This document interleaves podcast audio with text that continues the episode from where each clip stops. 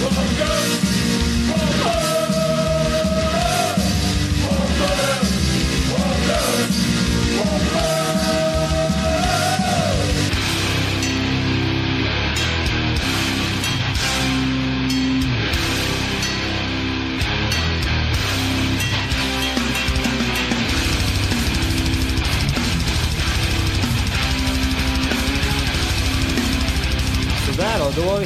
nere på noll podcast avsnitt 41. Dagen till ära. Jag, Robin Lindblad, sitter här med Daniel Nätterdal i studion. God dagens. Tja, hur är läget? Jo men det är bra.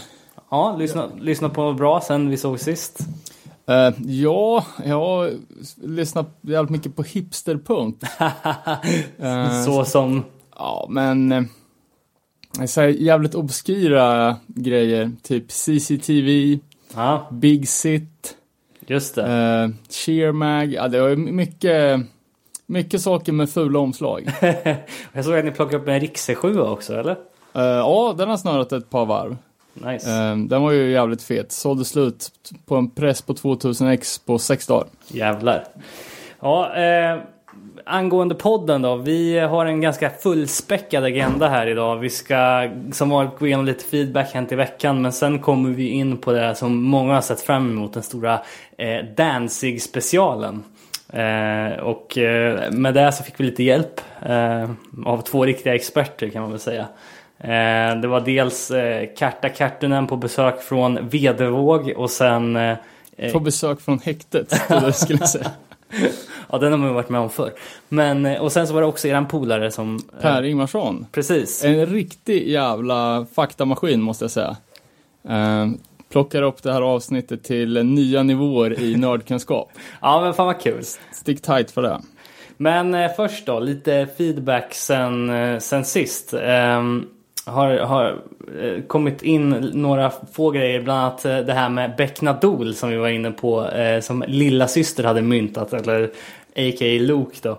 Eh, som betyder helt enkelt eh, röka gräs. Nej, kränga. Kränga gräs. Kränga hash. Dol var Göteborgs slang för hash. Just det.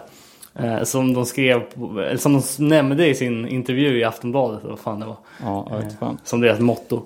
Nu vet vi det.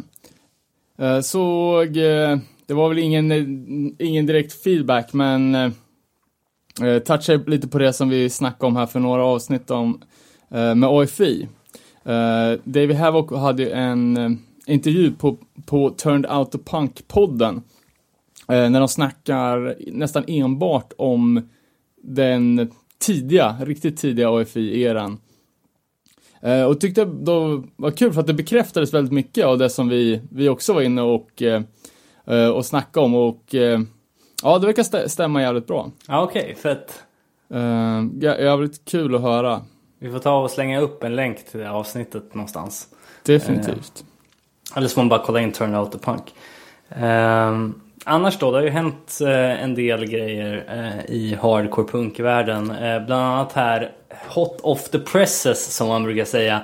Eh, den gamla Government Issue-sångaren John Stab som gick ur tiden eh, här för två dagar sedan i helgen. Eh, dog av magcancer, 54 år gammal. Eh, han eh, var som sagt sångare i Government Issue som låg på Discord aktiva 81 till 89 eller någonting sånt. Eh, så det är jävligt tråkigt. Eh, Ja, faktiskt. Det, är, det känns ju som att vi intrar varje avsnitt med att någon eh, hardcore-profil har dött. så är det. Eh, tragiskt. Och om man vill kolla in Government Issue så är ju Legless Bull 7 magiskt bra. Har lite dåligt koll på övriga diskografin. Jag har Joyride som är sådär, men det finns ju, de har gjort mycket klassiskt. Ja, verkligen. Eh, och de var väl eh, i ropet här 2014 eller någonting sånt. Gjorde några one-off gigs. Vet att de har varit aktiva post 90-talet. då. Ja, det verkar som att Stav också var väldigt involverad i, i scenen. Så. Ja, just det. Ja, tråkigt. Eh, vidare då. Eh, jag såg här också att eh, Nico Santora från eh, Suicidal Tendencies har lämnat bandet på grund av att han ville fokusera på sitt andra band Lillek som väl låter eh, lite skumt. Men eh, ja, det var det. I see. Eh, vi pratade om jailbreakfest förra avsnittet. Eh, nu hörde jag rykten om att det skulle flyttas till en ny större lokal. Är det någonting du har hört om? Ja, jag såg faktiskt en eh, so social media post om det. Att de hade fått tag i en större lokal. Men jag vet inte hur många nya biljetter de kommer att släppa. Eh, ja, kommer bli ös. Ja, verkligen. Kul att eh, det är väl första gången någonsin en HC-spelning säljer ut och får flytta till större, större Ja. arrangemang. I alla fall eh, under den här halvan av 2000-talet. Ja, ja, ja, jag tror jag, det brukar ju vara tvärtom annars. Ja. Eh, sen såg jag att Anchor har lagt ner. Ja, jag hörde också det. Eh, jävligt tråkigt. De har ju kört, vad fan var det, nio stabila år eller någonting. Eh, de har ju släppt en hel del bra grejer. Inte minst eh, deras senaste platta som vi tog en titt på förra året. Ja, fan, ja, det är alltid tråkigt när folk eh, släpper någonting och lägger ner direkt. Ja, Det var det i och för sig ett, ett tag sedan den kom ut, men de lyckades ju ändå eh, ändra på sitt sound eh, och, och göra det bra. Liksom. Ja, och Anchor är ju ett... eh, ja, en, en export för svensk hardcore. Det måste vara ett av de aktiva banden som är eh, ja, men mest erkända utifrån. liksom. Ja, Det mest, mest flitigast turnerande. Ja, och, folk har koll på. så det är ju verkligen ett eh, jävla storband som går, går och lägger ner. Men Eh. som det brukar vara i den här hardcore-svängen så känns det som att det är Dör ett band så är det fem nya på gång. verkligen. Så vi får se vad, vad som kommer, kommer ur dessa herrar. Vill man kolla upp vad de andra medlemmarna i bandet håller på med så är det väl Painted Wolves man ska kolla på. Eh, som jag tror är Mattias band därifrån. Eh, som han turnerar med fortfarande. Eh, ja. Ja. Eh, Att på, på lägga ner så såg jag lite fara och färde en affisch med texten Marauder Last Can- Canadian Show. Åh fan. Så jag vet inte om de har blivit bannade från Kanada eller om de ska lägga ner bandet. Ja, Eh, tål och eh, ta- tas reda på, för då är det tråkigt. verkligen. Det kanske är någon, eh, nej jag vet inte, någon, någon, någon som är, eh, har någon fängelsedom på sig som gör att de inte får lämna landet eller någonting. Ja, ja så har det ju varit med, med vissa av de New York-banden som... Det går bra att åka ur USA, men man kommer aldrig tillbaka in. nej precis.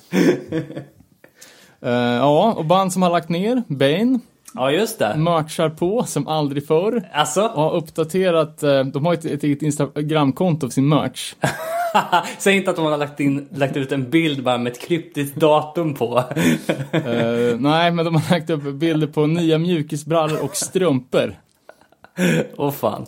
Eh, och så har även Terror steppat upp sitt merch-game och gör nu filtar.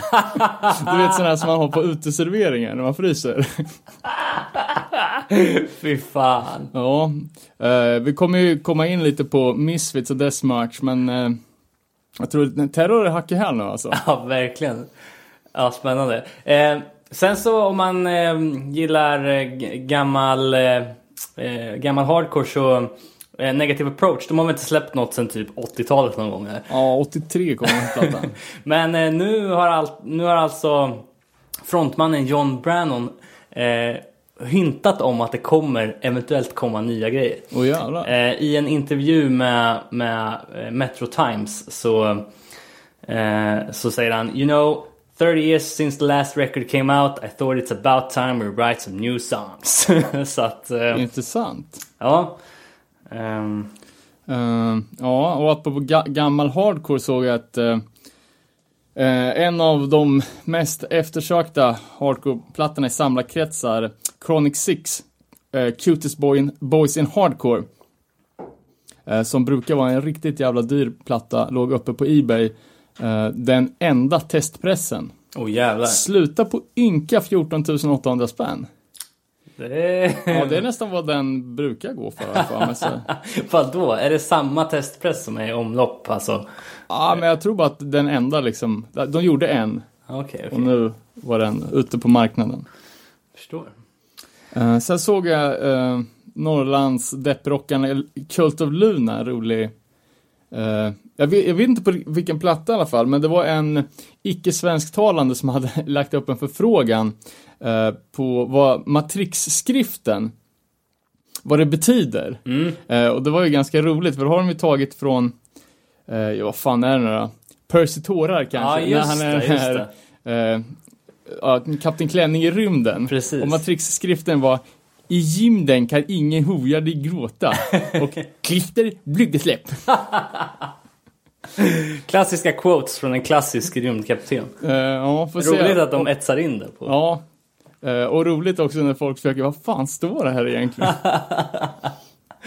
Ja, fett. Eh, sen så här, litet guilty pleasure-band, engelska hardline-pionjärerna Statement ska släppa sin, de ska återsläppa sjuan på en 12-tummare Okej. med en osläppt låt och grönt omslag. eh, på ett spanskt bolag, vilket har jag inte lyckats lista ut än.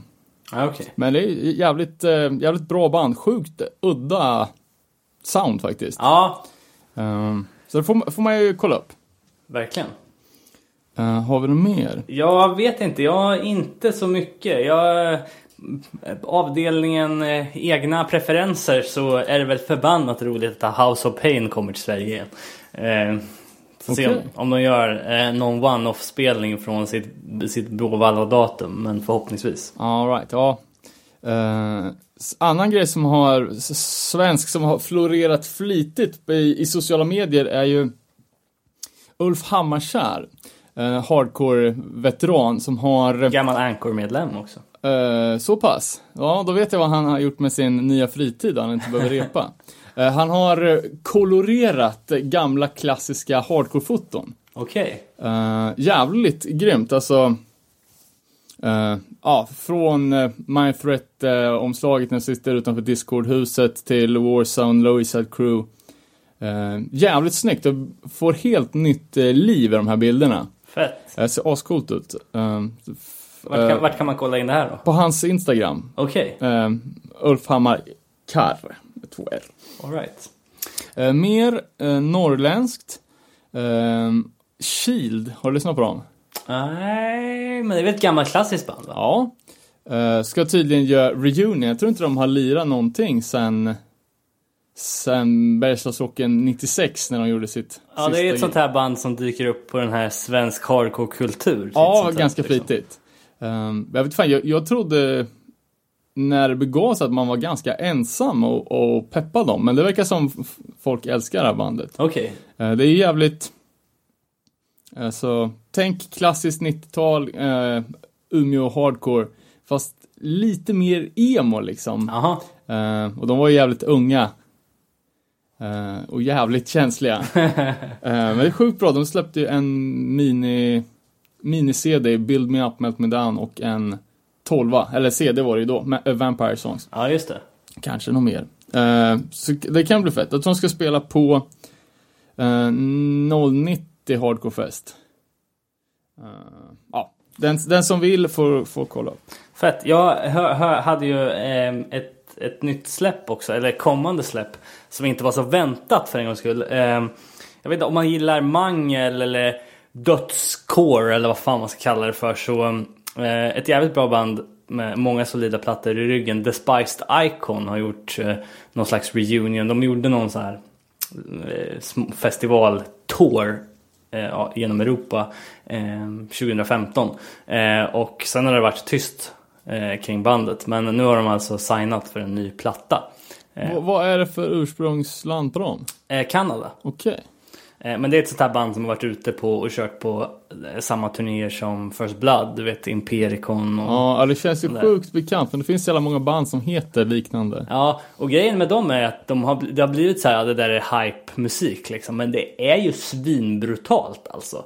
Eh, jävligt hårda beatdown-influenser i musiken. Och sen följt av det här supersnabba nästan moset liksom. Fem minuter blast beats liksom.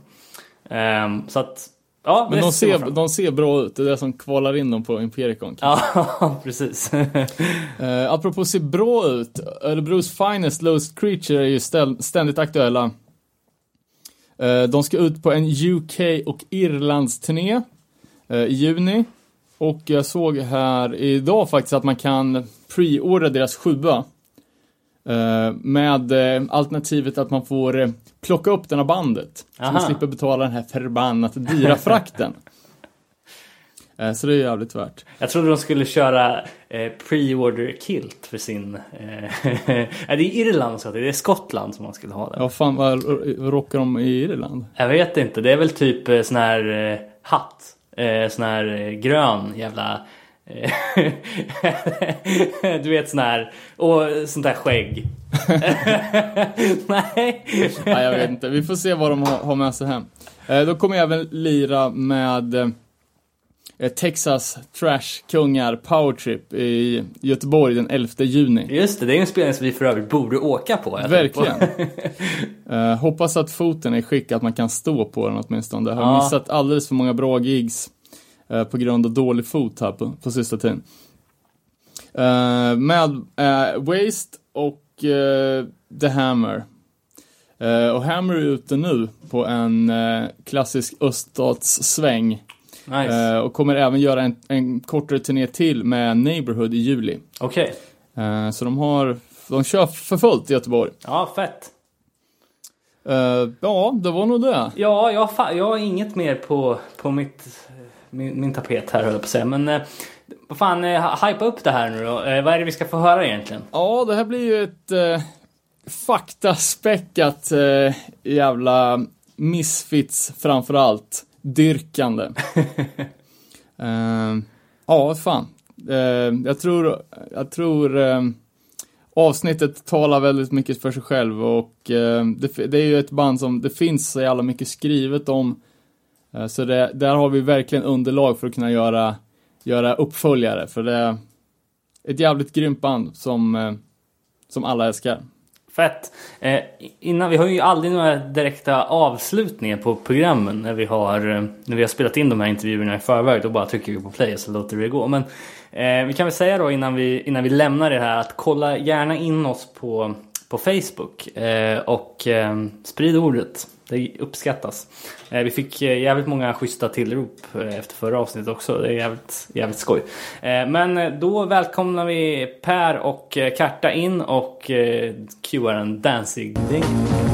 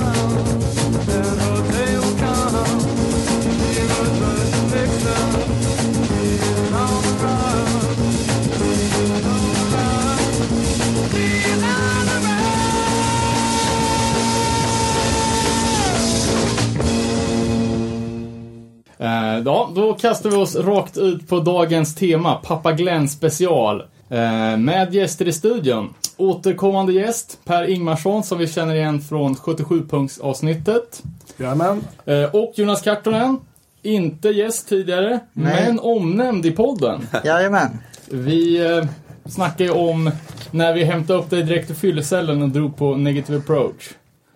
Vi glömde den lilla detaljen att du i bilen på vägen dit också hittade tusen spänn i kalsongerna. Ja, Kommer du ihåg det? just för att polisen är ju tjuvar. Försvann inte du på natten då också? Det gjorde jag, men det behöver vi inte prata om nu. Eh, vi ska också lägga en shout-out till Misfits-Peter. Eh, gammal polare. Eh, som fick byta namn från Misfits-Peter till Mixer-Peter. Eftersom han på millennieskiftesnatten förfestade genom att stoppa ner fingret i en stavmixer och spenderade tolvslaget på akuten. Eh, samt en lyssnare som hörde av sig och ville vara med när vi skulle snacka Misfits. Men som vi inte hittade vem det var, så vi kunde inte, vi kunde inte eh, räcka ut en hand. Men vi kommer säkert komma tillbaka till det här ämnet igen. Ehm, ja, ska vi dra en kort, kort eh, biografi på en av, ett av de viktigaste och bästa punkbanden enligt mig. Nämligen Misfits. Eh, bildade av eh, Glenn Danzig runt 77, tid 77 i Lodi, New Jersey. Eh, och de lirade under ganska många olika konstellationer. Eh, med Jerry Only och Glenn Danzig som de fastaste medlemmarna. Eh, fram tills 1983. De gav ut 6 7 plus en live 7 en 12 och två LPs. Eh, och de slog igenom massivt i slutet på 80-talet, början på 90-talet. Eh, har väl där någon gång utvecklats till ja, vad jag skulle säga världens största kultband. Ehm, så vi ska väl eh, götta oss lite i eh, katalogen och eh, liksom hur, hur de som band har kommit längst på minst. Eh, tre ackordslåtar med entons-solon. och- Och exakt samma trumkomp i varenda låt. Ja, det beror på vilken era vi pratar om här, men eh, jag förstår vad du menar. Eh, Och Jerry hade bara lirat bas i, i två månader när han gick in i studion för att spela in första, första Misfits-alstret. Eh, ska jag även eh, kanske grotta lite om hur Glenn Danzig, Elvis onda tvillingbrorsa och världens coolaste person, tappade pondusen totalt för att bli någon, någon typ av skämt. Eh, och hur Misfits fortfarande kan vara coola trots eh, eh, ja, eventuell pajighet och sellouts och så vidare. Eh, Men jag tänkte jag skulle börja nu eh, för att känna oss på pulsen lite med ett Misfits, eh, eller ja, Glenn eh, eh Eh. Eh, Kommer att funka så här att jag kommer ställa åtta frågor eh, och ni antecknar svaren och sen går vi igenom och är rättare här tillsammans. Spännande. Eh, Ja, då börjar jag med. Vem hade two inch nails och micro waist? Skrivs frenetiskt. Ja. Eh, fråga två. Hur många låtar har Misfits gjort? Och då räknas jag alltså från 77 till 83. Det är inget så här alternativ, för det där är ju lite klurigt alltså. Eh, De släppta låtar, alltså Den som kommer närmast får ju ja, poäng. precis. Ja, det är studio, studioinspelningar och eh, låten Archangel som, eh, som släpptes eh, Ja, det- av Sam Hain fast som egentligen är inspelad av Nej. Misfits räknas.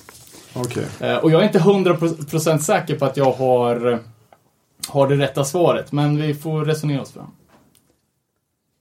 Eh, närmast två poäng. Eh, fråga tre. Hur lång är pappa Glenn? Eh, fot eller centimeter går bra. Hur kort är han menar du? Eh, nu, nu ska vi inte vara sådana. Uh, eh, fråga fyra. Vad är Blackest of the Black? Fråga fem. Um, Metallica har ju spelat in covers på Green Hell, Last Caress, Die Die My Darling. Men vilken låt gjorde Guns N' Roses? Fråga 6. Vad var 40 miljarder sidor tjockt? Ja, det. För helvete. Fråga, fråga sju. Vad kostade den dyraste Misfits-skivan såld på det offentliga, i det offentliga rummet? Alltså, ty- Alltså sånt som, ja, men sånt som är listat. Snackar vi auktion eller bara? Ja, ja men ja, precis. Det här var ju en Ebay, ja, ja. Ebay-grej. Kronor eller dollar går bra.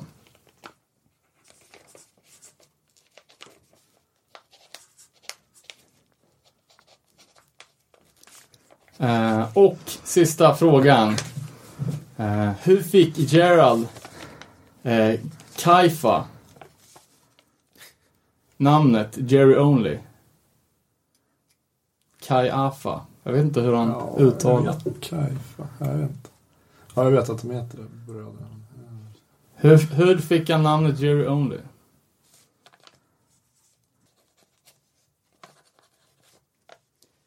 Yes. Då... tar- Fan, det var svårt. ja. Ehm, vem hade Two Inch Nails and Micro Waste? Vampira. Sant. Ehm, och eh, Vampira var ju en programledare likt eh, The Crypt Keeper eh, som eh, sände eh, skräck, skräckfilmer på TV. Eh, s- ehm, hade även en egen film på 70-talet. Och det här knyter ihop till Misfits absurda fascination för B-filmsskräck. Det var som Precis. fan. Eh, hur många låtar då? Eh, Alltså jag resonerar sådär att lite grovt hugget, två collection på 20 låtar var plus lite till liksom. Och ändå det återkommer så jag, jag högg i med 65 bara för att jag har ju aldrig räknat dem sådär. Jag har aldrig sådär hemma och räknat. Jag, jag drog till med 58. Jag gissar på 45. Ja, då var kartan närmst. Eh, Jag gick igenom på Misfits Central alla deras studioinspelningar. Vilket faktiskt var en hel del. Eh, Och räknade fram det till inklusive Archangel 55 stycken låtar. Det var inte illa. Eh, Höjd över havet på Fader Glenn. David, vad tror du? Jag gissar på 1,57. Jag gissade på 1,58. Han är ju grymt kort alltså. Eh, 1,45. Vart, Eh, vart, vart, går- vart går gränsen för dvärg? Dvärg, precis. Det var nästan dvärgläge där alltså. 5 foot 4 eller 163 mäktiga centimeter. Ja. Eh, Blackest of the Black då? Någon som håller bra? Det är ju den där turnén han har kört. Eh, Nu har det varit paus ett tag, men han har ju kört, det är liksom hans, han ville ha det extrema svarta bandet med. Alltså ska ju Danzig alltid headliner där. Så han tar väl med sådana här band som inte spelas på radio. Liksom. Ja, men så, som ingen annan lyssnar på. Ja, men det är ju, vad var det, var det för band? Han tog ju med Phil Ansel- Supergiant Rich, har varit med Phil Anselmos band. Och, så här Skeleton Witch och sånt där som man själv aldrig lyssnar på. Vet knappt vad det är liksom. Vad- är- Är det en turné? Ja, Ja, det, är, precis. det är Danzigs svar på Ozzfest. Ja, ungefär liksom. Fast eh, det har inte blivit så jävla stort. Genomslagskraften har inte varit så kraftig skulle jag vilja påstå. Jä- Jävligt bra namn dock. Ja. Ehm, ja, eh, Guns N' Roses cover på plattan Spaghetti Incident. Och det är väl attitude. Korrekt. Hade inte en aning. Nej. Är den bra eller? Jag tror jag har hört den någon gång. Alltså jag har ju aldrig ägt en platta men jag är tvungen att liksom kolla. söka upp den där. Men Här jag det missat var väl totalt. ingen, ingen svinbra cover vad jag vill minnas. Men. Eh, jag tror inte jag har hört den heller. Okej, vad var 40 miljarder Ja, CD-shop? vad fan var det liksom? Jag gissar på att inget- det var kontraktet för att reunita Misfits för någonting. Ehm, ja, det var Danzigs stämningsansökan mot mänskligheten. Va? Mot mänskligheten. Vad var det där för något? Ehm, det var en fake-nyhet som, som sp- spreds efter någon av eh, alla rättsprocesser som har, har eh, dragits igång av, eh, av Danzig på, på grund av olika saker. Eh, och så var det, ja men typ, Trademarket Misfits. ja, bla, bland annat. Ehm, och då var det en lista på olika saker som han eh, Ja, som han, han olika hade stämt och sen avslutades hela det här med att eh, han också hade stämt hela mänskligheten. Ehm, ja, eh, men det, det är också... Ja, det är Eh, som, ja. Ja, men det för- förklarar lite på hur, hur Danzig har gått och blivit liksom en larger than life karaktär slash lite koko. Precis, förklara texten i Astro Zombies. Exterminate the whole human race. Som man sjunger. liksom, han började redan på yngre dagar, yngre år. Skräckfilmsskadad. Ja, Ja, exakt. Sivert Öholm hade rätt. Ehm, och eh, vad kostade den dyraste Misfits-plattan? Ja, jag har ju sett, eh, Tänkte Jag har ju köpt den. nej, jag har ju sett eh, Horror Business promon. Den här eh, 7-tummaren då. Just eh, 25x. Som gick för cirka, nu kommer jag inte ihåg, men i alla fall över 8000 dollars. Så att det var ju... Fy fan. Jag gissar på 45 000. Är den Och det, alltså, det var en snubbe som hade hittat den där i, i sitt garage. Ja, jag har fått väldigt mycket frågor angående den här skivan. Bara la ut en startbud på 15 dollar och slutade sådär liksom. Vad sa du? 8000 dollar? Ja, exakt. Eh, ja, Drygt alltså. det finns ju flera Uh, riktigt, riktiga dyrgripar, bland annat ett par, heter det, acetat. Ja, eh, precis. på plattor som aldrig kom ut. Eh, I alla fall inte då. Och även eh, begränsade grejer. Eh, nu kommer jag inte ihåg exakt vad det var, men det dyraste Misfits artefakten såld gick för 14 301 US dollars. Eh, som på den tiden var 12 000, nej 120 709 kronor. Var det den här Teenage from Mars-acetaten? Kan det ha varit den? Jag kommer fan inte ihåg. För att den har ju varit i ropet ett tag, typ om det fanns fem stycken. Liksom. Ja.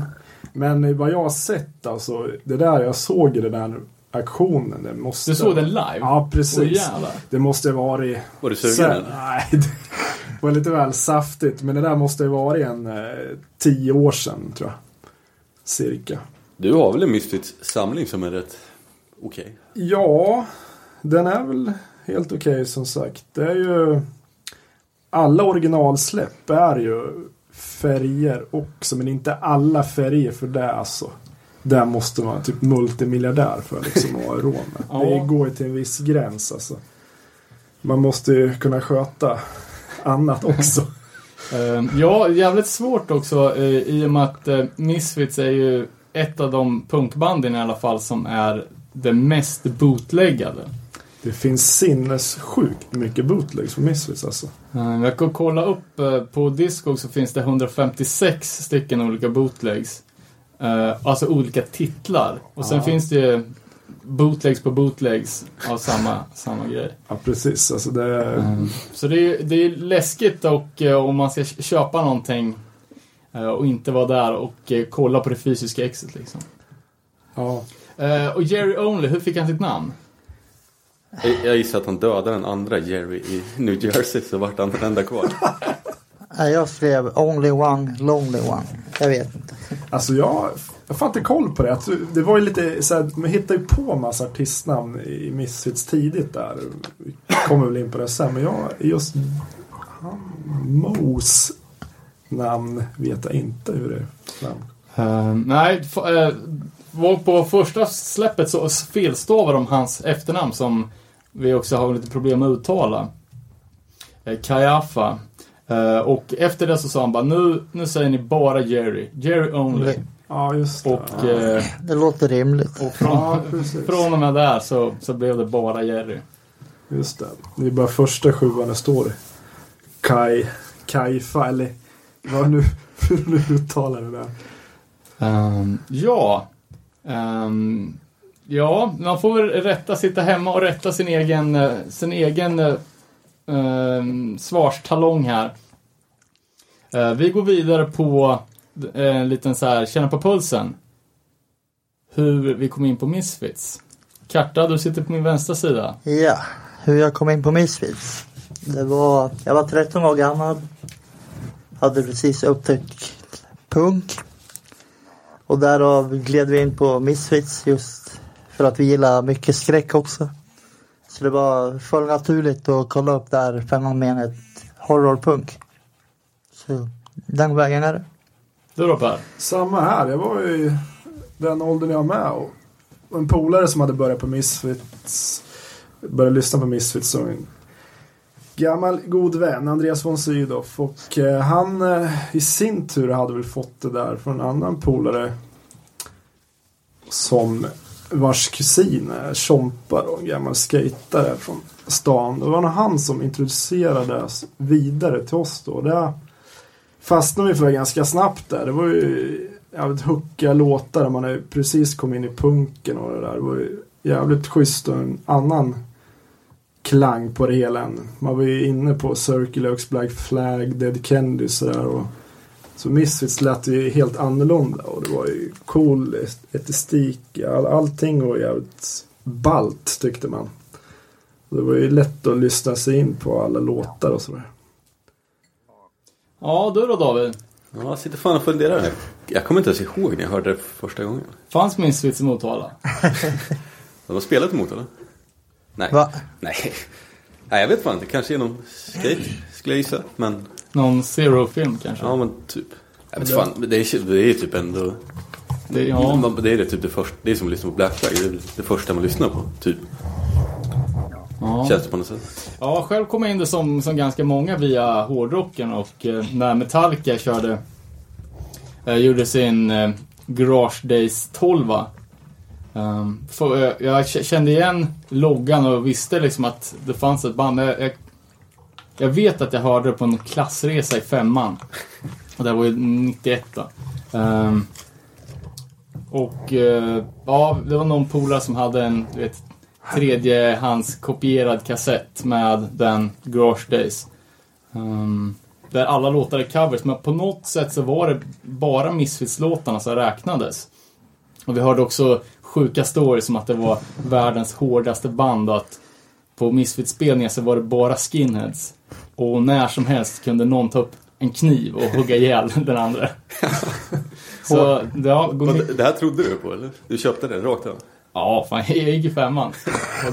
Plus att det var sant. Ehm, men jag ägde aldrig några Misfits-skivor förrän, förrän Collection-plattorna kom. Och jag tror det var tvåan. Det var nog fan den första jag köpte också. Någon gång där, 95 kanske. Eh, och sen började vi hypa det ganska rejält och ja, fanns ju mycket VHS som man kunde, Ja, kunde beställa. Så här, 90 minuter som är bara live-klipp där man inte ens varken såg Alltså, eller hörde någonting. Det är det som är så grymt skumt. Alltså alla andra band man kan se från den eran är ju schysst filmat. Okej, alltså Misfits är ju så dåligt så man kan ju knappt se någonting ibland. Det är ju, det är ju skumt. Det finns ett gig från Boston. Jag tror Jerry's Kids som spelar eh, Ja, förband där. Ja, förband. Och, och där, den, det gigget går ju att kolla på liksom. Det är ju schysst filmat. Sen kommer Misfits. Då är det Helt sämst. Jag tycker han, han Al Flipside som har filmat olika kameravinklar sådär. Men är det så här kopierat en miljard gånger? Eller, det måste ju finnas någon schysst filmning liksom. Ja, Jag har bara sett det på Youtube. Så det, men det, ja. Ja. Och sen också att de eh, manglade sönder sätten ganska ofta. De hade ju liksom som, lite som samma koncept som Manowar, att de skulle köra extremt högt och extremt hårt. Ja, det var ju... Lite på ja, men att kvaliteten på ljudet vart lidande. det var ett kaotiskt liveband. Ja, nej men vad fan, vi, vi börjar väl från, från starten. Ehm, ja, som, som vi sa så, så man kan väl säga den första line-upen som nådde skiva var ju Glenn Danzig, Jerry Only och uh, Manny på trummor. Uh, men innan det här så uh, var det ganska mycket folk som har funnits med i bandet och det finns väldigt många olika laguppställningar. Enligt Wikipedia så är det Glenn, en snubbe som heter Jimmy och Manny som var den första. Men i... Och Diane på, på bas. Eh, Diapizza tror jag han heter. Eh, men enligt eh, en eh, ganska lång YouTube, eller en intervju som heter Exposed. Så säger han att, att det första första var, var Glenn, Diane och Mr Jim som senare kom att trumma i, i bandet. Ja, han hade ju lite coverband innan också, Glenn. Ja, någon metal... Taylors eller Ja, och Who That and Boo Jang. Så konstiga namn, jag vet knappt hur man uttalar men det var mycket Sabbath, Cab Black Sabbath. Ja, Jag har för mig de sjöng rock'n'roll covers också. Ja. Har sett något klipp på det där. Ja, Men, Sk- det låter skit i alla fall. ja okej. Är Ja, inte. Danzig någon typ av så här skolad musiker? Typ? Skolad vet Ja, han jag. säger ju att han började ju spela både klarinett och piano och Ja, något mer eh, instrument innan han plockade upp de, ja men, basgitarr. Ja, precis. Är det han som har skrivit alla låtar till Misfits? Ja, det är det ju. Men alltså vissa, de, man har ju läst intervjuer de repar in låtarna att, att vissa medlemmar blir inte krediterat en del grejer i låtar men det är ju han som lägger allt liksom, grunderna och sådär.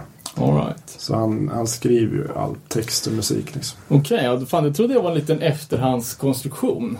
Eh, vi kommer in på det när vi ska snacka lite om rättigheter och eh, avtal och rättegångar och sånt där.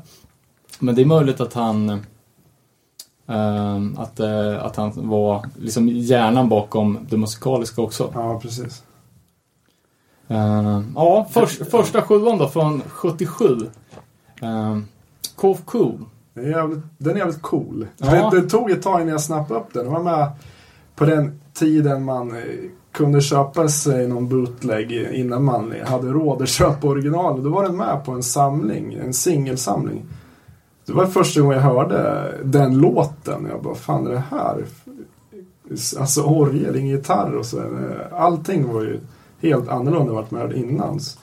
Så det var, det var en jävligt cool upptäckt eh, tidigt fast man hade hört man hade hört allt utom den då, men det var Ja. riktigt coolt. Eh, ja, eh, Hade de inte lite problem att hitta skivbolag till det där? Ja, det var ju senare. Just det här var väl liksom uppstartsfasen. Det var väl, de hade, hade väl inte kommit så långt med bandet överhuvudtaget. Nej, jag tror det tog ganska lång tid innan de kom ur eh, alltså garderoben om man säger att de Ja. var jävligt eh, underground. Och för, första sjuan är ju egenfinansierad. Ja, precis. Eh, på Blank Records. Ja, Eh, vilket de senare hade tur. Eh, tur för att eh, Danzig registrerar ju varumärket Blank Records.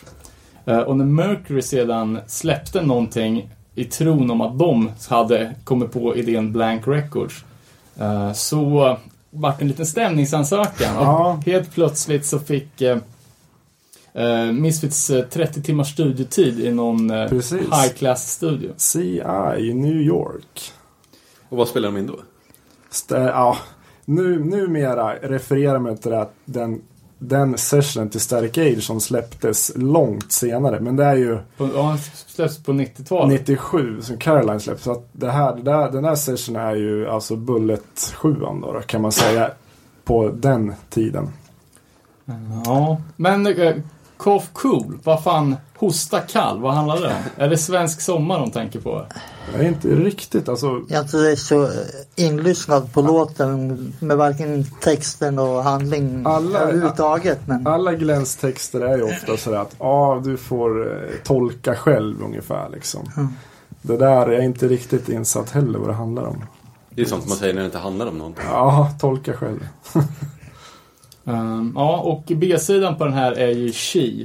Ja, eh, som är en av, en av de kändare låtarna. precis. Ehm, men på den här sessionen, det visste jag faktiskt inte om förrän, förrän nyligen. Ehm, och det här är ju då när de spelade utan gitarr med orgel eller keyboard. ja, midi-synt och bas bara har jag för mig. Ja, Men- precis. Ja, precis. Mm. och då spelade de in She, Cough Cool, Bullet, Hollywood Babylon och In the Doorway som är släppta. Eh, men de spelar också in tre låtar. eh, West End Avenue, Fine Line Nursery och Harpies in the Night. Fine Line Nursery, det är ju Spi- som blev Spinal Remains. Som är. Okej. Men, men snackar du första eh, sjuan? Var det fler låtar än Cool och She? På Inte den på, session? ja, på session. Ja. Var det det? Eh, ja, enligt Misfits Central en Okej. förnämlig Ja, och informationskälla. det, det finns ju allt. Det finns så mycket så att man eh, ja, kan sitta där en vecka och Ja, kolla. Liksom. För där har de ju listat alla, alla gånger Ja. de har varit inne i studion. Precis. Och nästan alla gigs också. Eh, vilka låtar som är inspelade, vad de har för instrument. eh, Ja, ja, ja, det, det- är helt sjukt. Ja, den... Um, men det är också, det markerar lite hur eh, Alltså det här är ett band som man kan nörda in på. Det är liksom nördarnas alltså. band. Verkligen. Um, Men det här med sminket och allt då?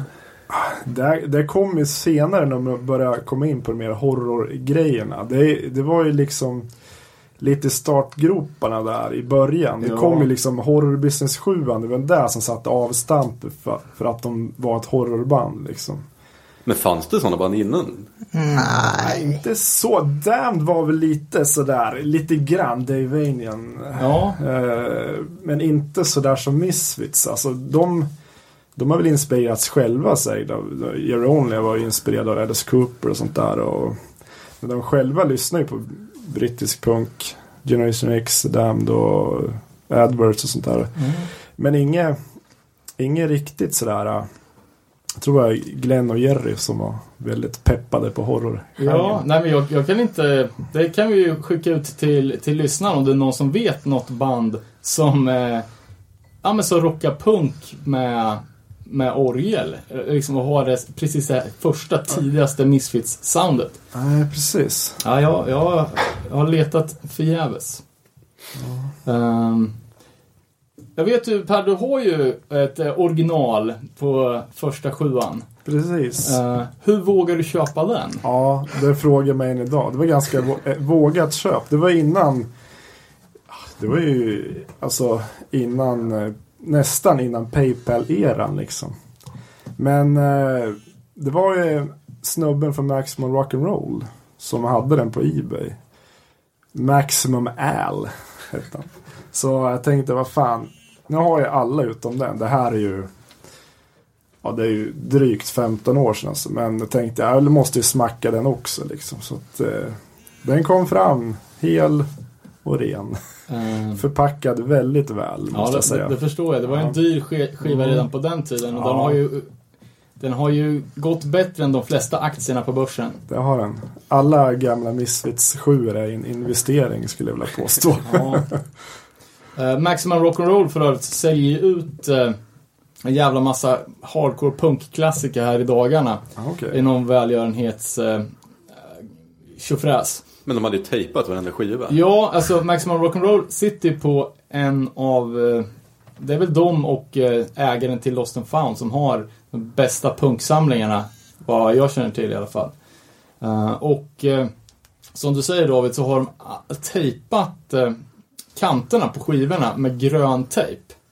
Alltså själva eh, omslags... Ja. Vi- Var det så på din eller? Nej, nej. Nej, nej, det kanske var från hans privata. Ja, det tror jag. Men varför har de tejpat då? Ja, grejen är att de hade den här eh, enorma samlingen i sitt, eh, på Maximum Rock'n'Roll officet. Eh, där de också hade övernattningslägenheter. Eh, så band som turnerade och ja, var på väg, kunde sova där. Och då sov de liksom i skivbiblioteket. Och då hade de liksom en, ja, de hade en, en vinylspelare så kunde de lyssna på plattor och, och då för att ingen skulle sno dem eh, så var de liksom märkta med den här jävla gröna tejpen. Men det är ju jävla dålig grej för en samlare om man ska köpa Ja. en platta Ja, det är med tejp. Liksom. Eh, ja, jag vet inte fan riktigt hur de resonerade där, men de har ju förstört liksom alltså, värdet på alla Ja. de här klassikerna. Eh, men om man eh, känner att man vill ha en platta kanske lite billigare än- vanligt så kan man kolla in maximumrockroll.com. Uh, nu på måndag börjar de och då säljer det ut, det var ju jävligt mycket tidig punk. Jag ska kolla upp. Coolt. Ehm, ja, släpp nummer två då, från 1977, Bullet. Eh, 78. Nej, 77 var Ja, men förlåt. Eh, förlåt, eh, helt, helt korrekt. Ehm, en av deras mest eh, episka epos, 138, Attitude, Hollywood Babylon och Bullet. Bland de eh, fyra, fem bästa låtarna. Ja. Eh, jävligt solid sjua. Plus att det är jävligt snyggt omslag. Jävligt grovt, men coolt. Ja. ja, man kan tänka omslaget är ju eh, JFK med ny sprängd skalle och sen bara en Misfits-logga på det. Perfekt. Vem var det som gjorde Misfits-skallen? Alltså? Ska, ja, men det är ju taget från Crimson Ghost, en gammal skräckserie, eller skräck. Det skulle vara skräck, från 46 tror jag det var. Eh, så att det är ju, det är liksom, det är action typ. Det är en, det är en snubbe som är utklädd till eh, Crimson, Crimson. Ghost, alltså skallen. Och Det är, det är slagsmål och biljakter och pistolskott, alltså det är allt. Skottlossningar, ja, men det är liksom det är ju det är inte direkt horror på det sättet man vill tro att det är. Liksom. Men det är ändå därifrån de har tagit skallen. Uh, ja, uh, vi, vi kommer komma in på, li, på lite sådana vad, vad för grejer som kommer varifrån. Uh, men Crimson Ghost, den ikoniska skallen, var, var inte lanserad än. Den dök upp året efter på, som en uh, spelningsaffisch inför ett gig på Fan, det, ja, superklassiskt ställe som också finns, finns bootleggat på massor. Irving. Plus, Maxis Kansas City. Kansas City. Ja, mm. Eh, och på Bullet-inspelningen så hade de nu tagit tillbaka Mr Jim och en snubbe som heter French Coma lirar lirar gura. Eh, och eh, Snubben med världens största pin. Ser ut som en tallrik han har på skjortuppslaget. ja, inte På en session. sägs även att Bullet pre, det, det, vad fan heter det? predates uh, Cough Cool-låtarna med tre år. Eh, det säger också i den här eh, exposed-grejen. Ja, exakt. Eh, Bullet var ju en dikt som Glenn skrev väldigt tidigt. Tidigt Ja. 70. Alltså bara som en dikt innan det blev musik till den. Eh, precis, men i den här intervjun så låter det som, för då... eh, då är frågan typ att... eh, eh, hur, va- varför de ändrade stil från uh, orgelpunken till mer hardcore punk. Och då sen bara, äh, men vad fan, Bullet den, den körde vi tre, den är tre år innan. Så att Ja. våra riktiga stil är det hårda. Ja. Det var att de inte hade någon gitarrist. ja, att det var en, en dikt. ja. Eh, det fra- framgår inte. Eh, och det är ju ganska, ganska explicit text liksom. Masturbate med en, vad fan är det såhär, slurp it from your palms, like the dry desert soaking up rain.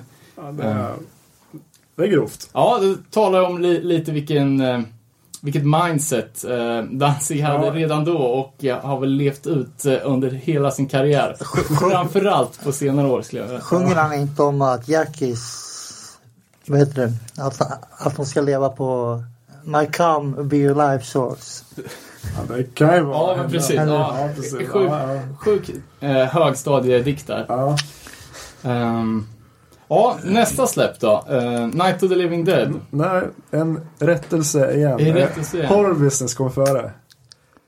Den sessionen var januari Okej. 79. Så att eh, Night of the Dead spelade in i juni 79.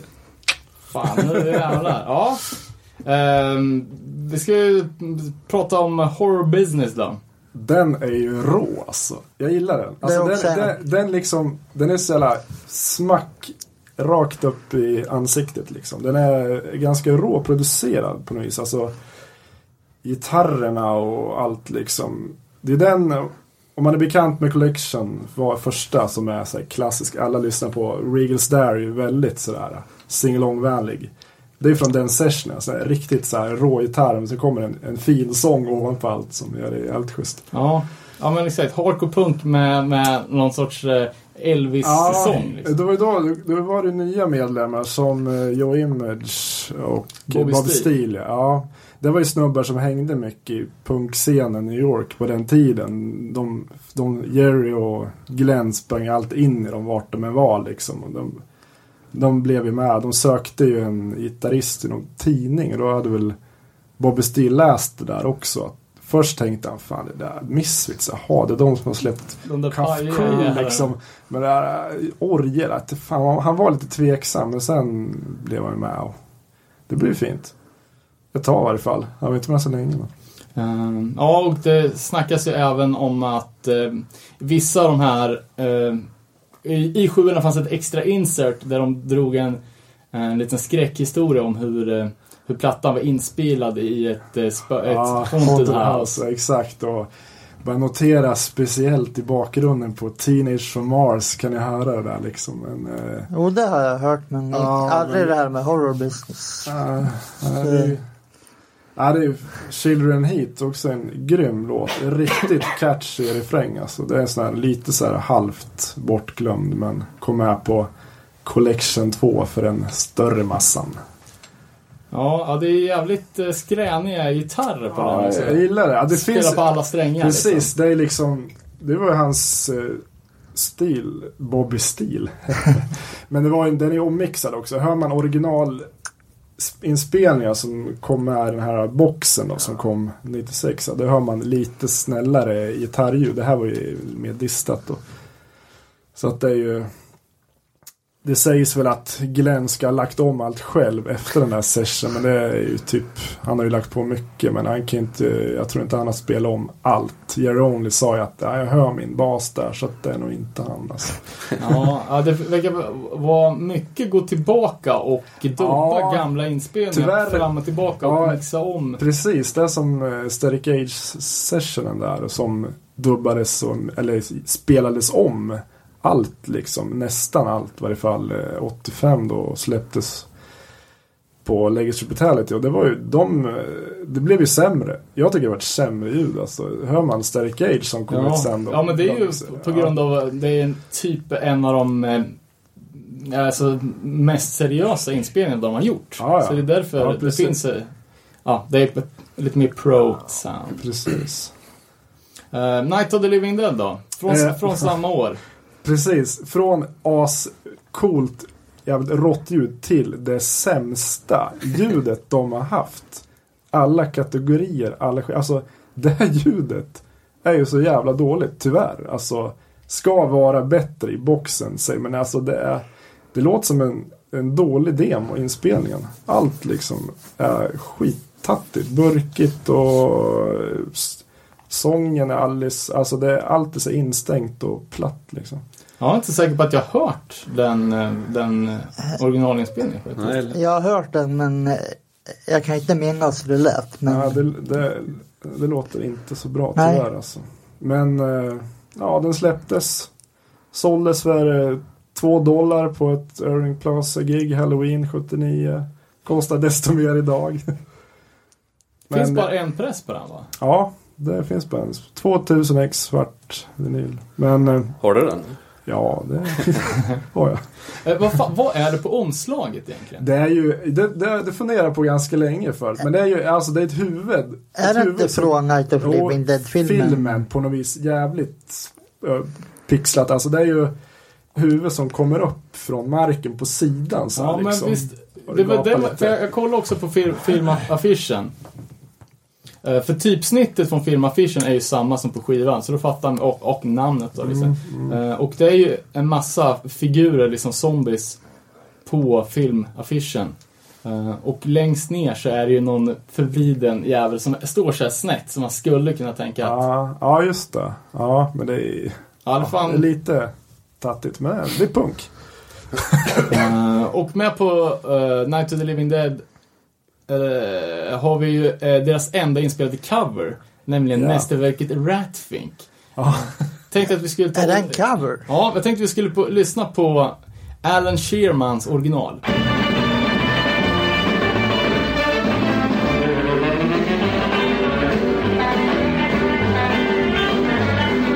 F. I say F I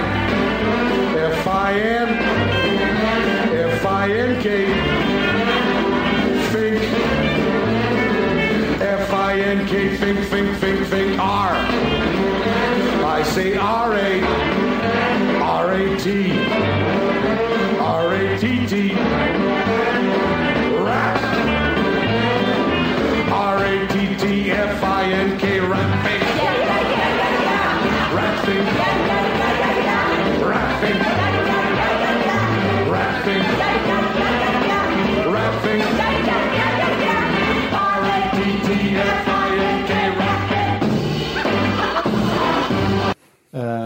Jävla skön revykänsla på den här originalversionen. Det var när Misfits mer lekfulla era. Det var lite så här, kändes lite mer att de eh, skojade till det lite mer än eh, Jag visste fan Senare, inte ens alltså. att det var en cover. För de, de gick ju runt med, äh, ja, de gick ju runt med så här Ratfink pins och sådär. Alltså de, de håller på mycket och ploja liksom. Sen lirar de in det där.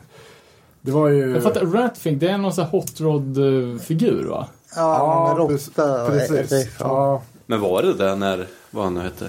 Sherman eller fan det? Ja, men det, ja, såna här hot rod-grejer är ju äldre än synden, så det, det fanns ju garanterat. det var ju tydligen Glens favoritera i Misfits. Har man ju läst i intervjuer. Att det är runt 79 där liksom. När det började komma igång med Ja. horrorn. De hade jävligt skoj liksom. Mm. Så det är, ja, men det är en intressant period. Fan vad jag ska säga. ja, det blir ett klipp till. Eh, har du, uh, spelar vi in eller? Ja. Uh, gå vidare då på 12-tummaren Beware från 1980. Exakt, Yes. januari 80. Eh, Inför en, en Englandsturné. precis, och det är ju alla låtar, eller inte alla, många är ju då från den här Staircage-eran, Bullet Session och sen har du ju Horror Business, eh, Precis.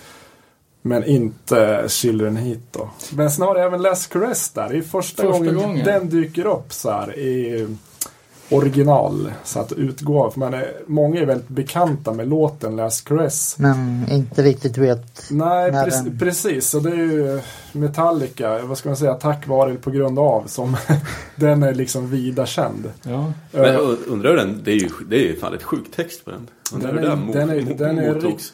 Riktigt grov text. Ja. Eh, Ja, precis. Men det var väl hans rebelliska sida där, eh, Glenn, som gjorde en sån här låt.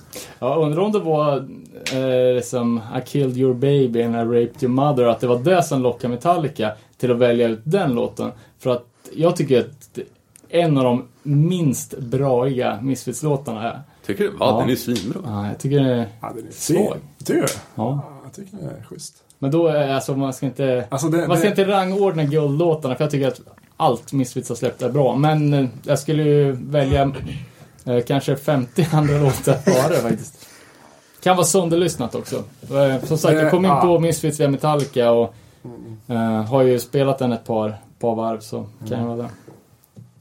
Ja, men... eh, Men Beware, den, alltså den plattan släpptes alltså inför en Englandsturné? eller? Precis, de skulle ut med Damned i England och köra Mm. en turné där. Och, men den släpptes faktiskt efter de kom hem. Eh, Som vi snackade om tidigare, den här jättedyra Horror Business Pro med 7 Den pressades ju upp i ren hast för att de skulle över till England. Okej. Så 25x till radiostationer och liksom promota och sådär. Så att, men den, eh, den turnén blev ju bara kaos. Ja, för de gick ut med att de skulle köra 24 datum på 28 dagar. Men blev det, hur många gigs blev Ja, det? det blev bara typ Ett. två, ett, två gig. Blev inte de fängslade på den turnén? Ja, och Glenn blev ju fängslad. Och Han Bobby skulle, Steele också.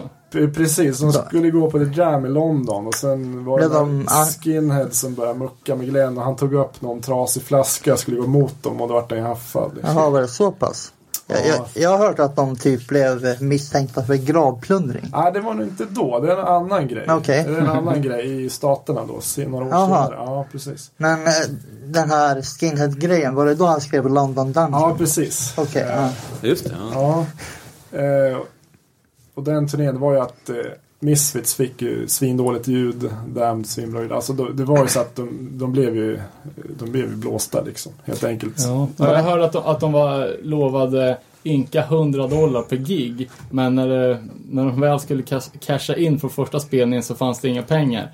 Och de fick förklaringen att eh, ja, men alla punkband i branschen skulle offra en arm för att få öppna upp det Dam. Ja, så ni ska vara precis. jävla nöjda. Precis. Och, Och då hade de ändå flugit in från England, eller från USA till England på Ja. egen bekostnad. Liksom. Precis. och eh, trummisen drog ju hem till sin tjej då. Han, han tröttnade ju på det där. Och Joe Image. Det är ganska kul grej med hans artistnamn. De var, skulle komma på artistnamn till alla liksom. Då kom man Ja. trummisen men du kan väl heta Joey Pills. Han blev lite tveksam. Det lät ju lite pundigt där. Så att Pillet vi, lille. eh, Joe Image. Men eh, hur, hur stora var Misfits på den här tiden? Misfits var super... inte alls stora. De var inte alls stora på den tiden. Man hade väl lite, lite ryktes där i New York-trakten och sådär. Men de var från New Jersey så att eh, de var inte alls stora. Storheten kom ju sen med Metallicas eh, covers och t-shirts och grejer. Men eh, ungefär nu så kan man ju säga att de hade hittat, alltså de hade hittat stilen. Precis. Eh, och eh, eh, Jerrys farsa var ju, verkar ha varit en tät man i knivindustrin. Och de hade en, en mekanisk verkstad där, där, de, där de jobbade och där Jerry började göra rekvisita och props och customgöra Nitar och grejer. Till, eh, ja, och instrument. Och, Ja, precis. Eh, De jobbar ju. De, de giggar inte speciellt mycket. Alltså, de var ju tvungna att jobba i veckorna. Glenn, han sköter väl, sköter väl så här merchen och Ja. allting med plattor och mer, ja, ja, men så här fin club-grejen som senare sköttes av några andra snubbar vet jag. Men det var ju, det var ju mm, working class ja. heroes. Men ändå så var de ju jävligt mycket seriösare eh, än övriga band. Alltså det är ju lite senare än den här Mother Records eh, från New Jersey, typ Chronic Sick. Mm. Som, ja, deras... Eh, eh, de körde en svastika med ketchup i pannan. Ja, Eh, Mi- Misfits låg i verkstaden och svarvade hela veckan Ja. inför gigs och sen trashade de allt liksom. ja, precis. Eh, Men man kan tänka att ja, många har ju jämfört eh, Misfits med att det var New Jerseys svar på Ramones. Eh, men jag skulle säga att de är ju fan så mycket hårdare Ja, det är de ju. Ja, jag skulle inte hålla med om det. Alltså. Nu, utan Ramones inget Mystery skulle jag vilja säga. Men ändå är de ju alltså, väldigt originella. Eller var originella. Ja, för, för om, man, om man tänker då för Bullet som, som var, vad sa vi, 79? 78. 88.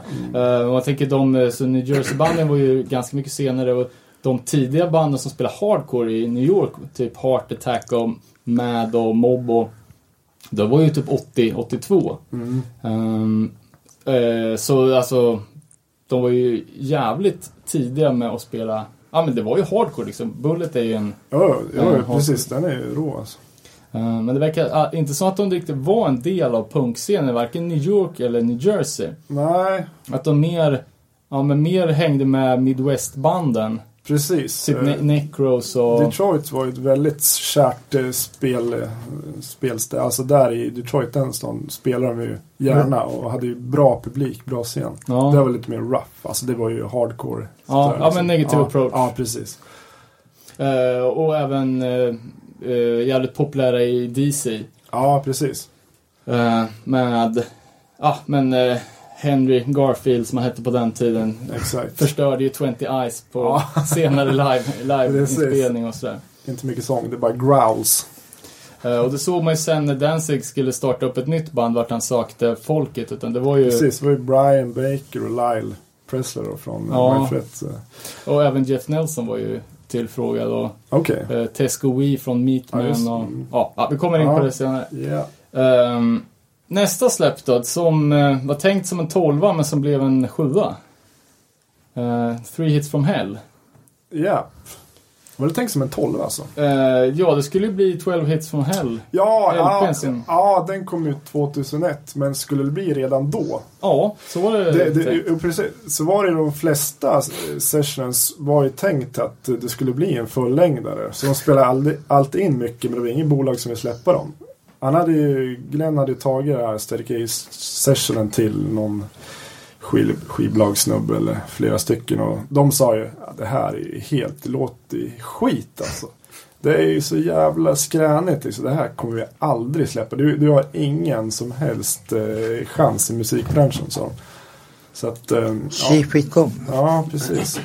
Eh, ja, och eh, ja, eh, Image hade slutat och lämnade plats för Googie på trummorna. Arthur Gogi, han var en väldigt hängiven snubbe som tog bussen från Manhattan ut till Jersey flera gånger i veckan och var jävligt så här med på repen. Och, eh, det är där vi kommer in på samma trumkomp hela tiden David.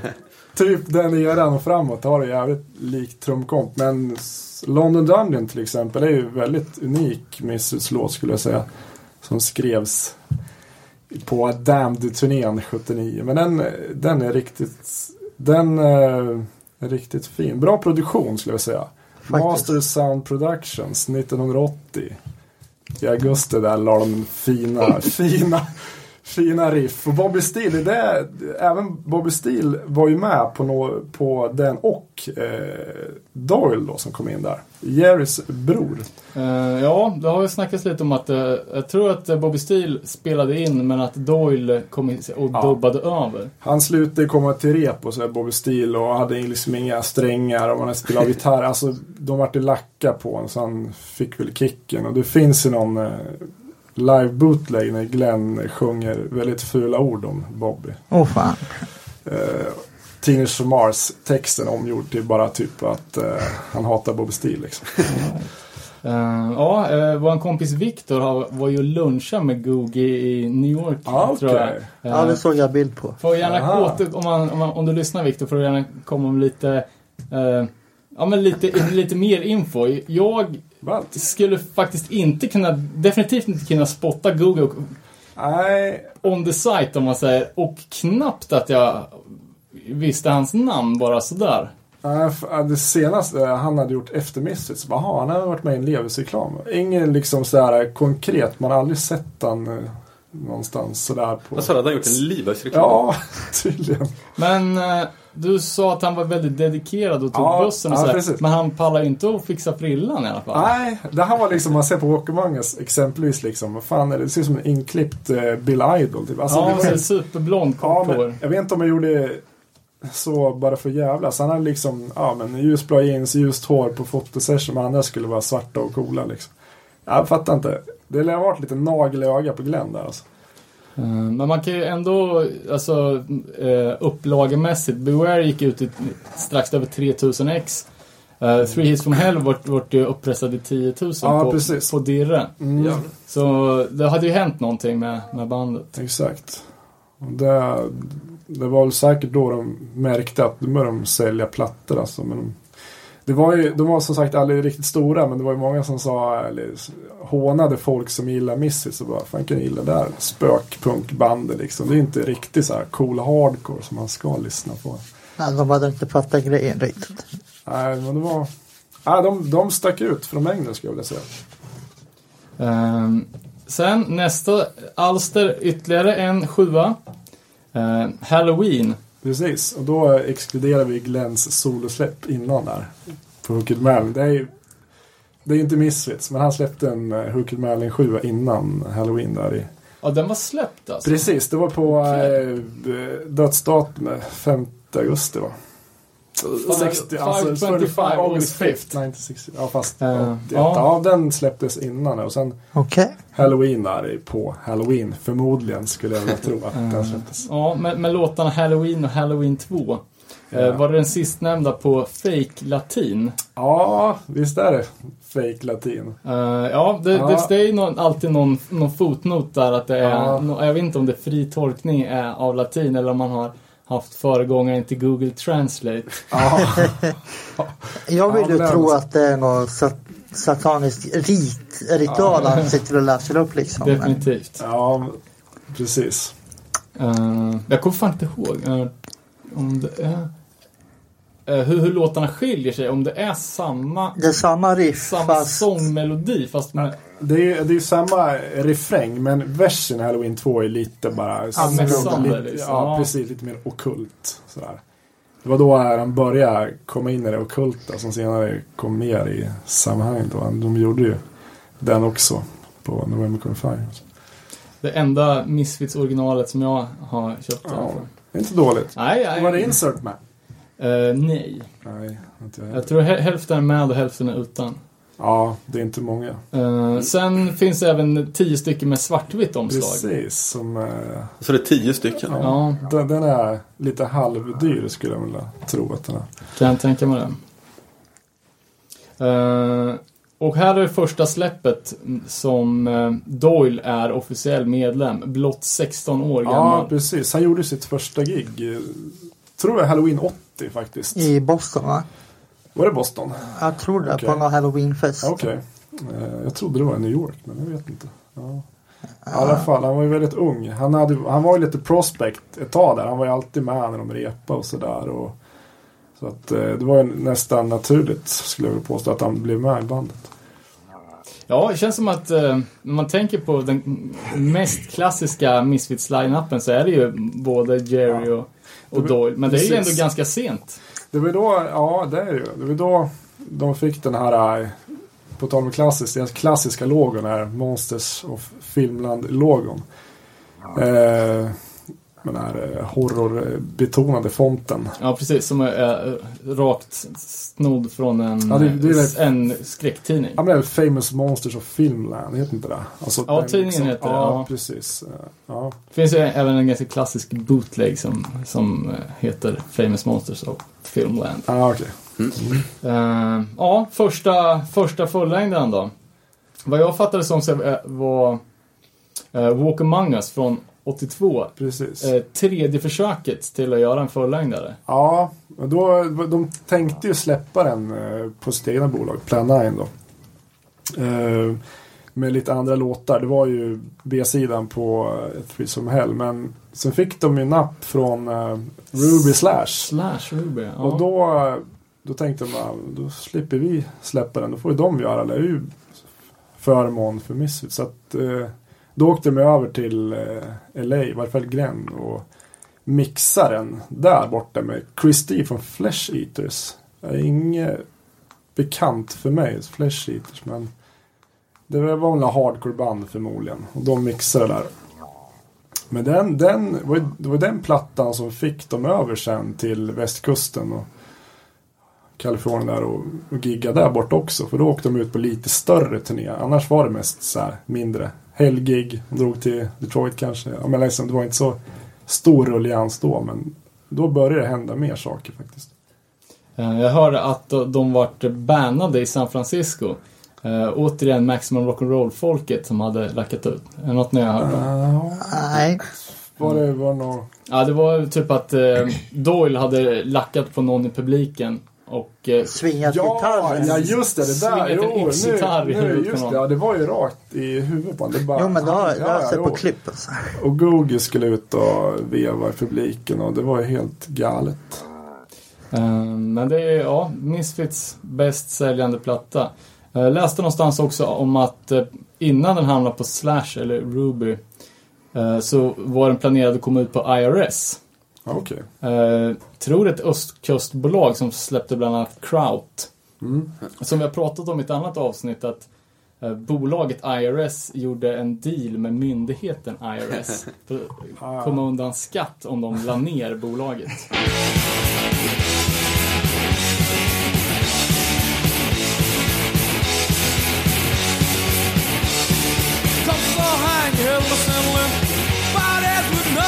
No and the blood drains down like devil's rain. We'll get tonight. I want your soul.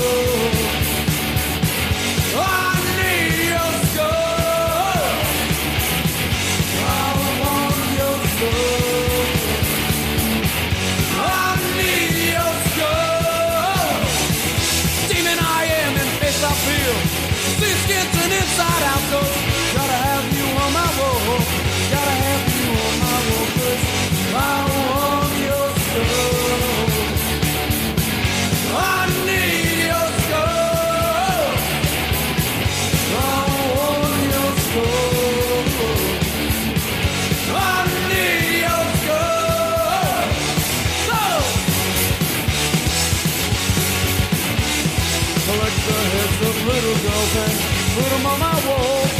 Hack the heads of little girls and put them on my wall.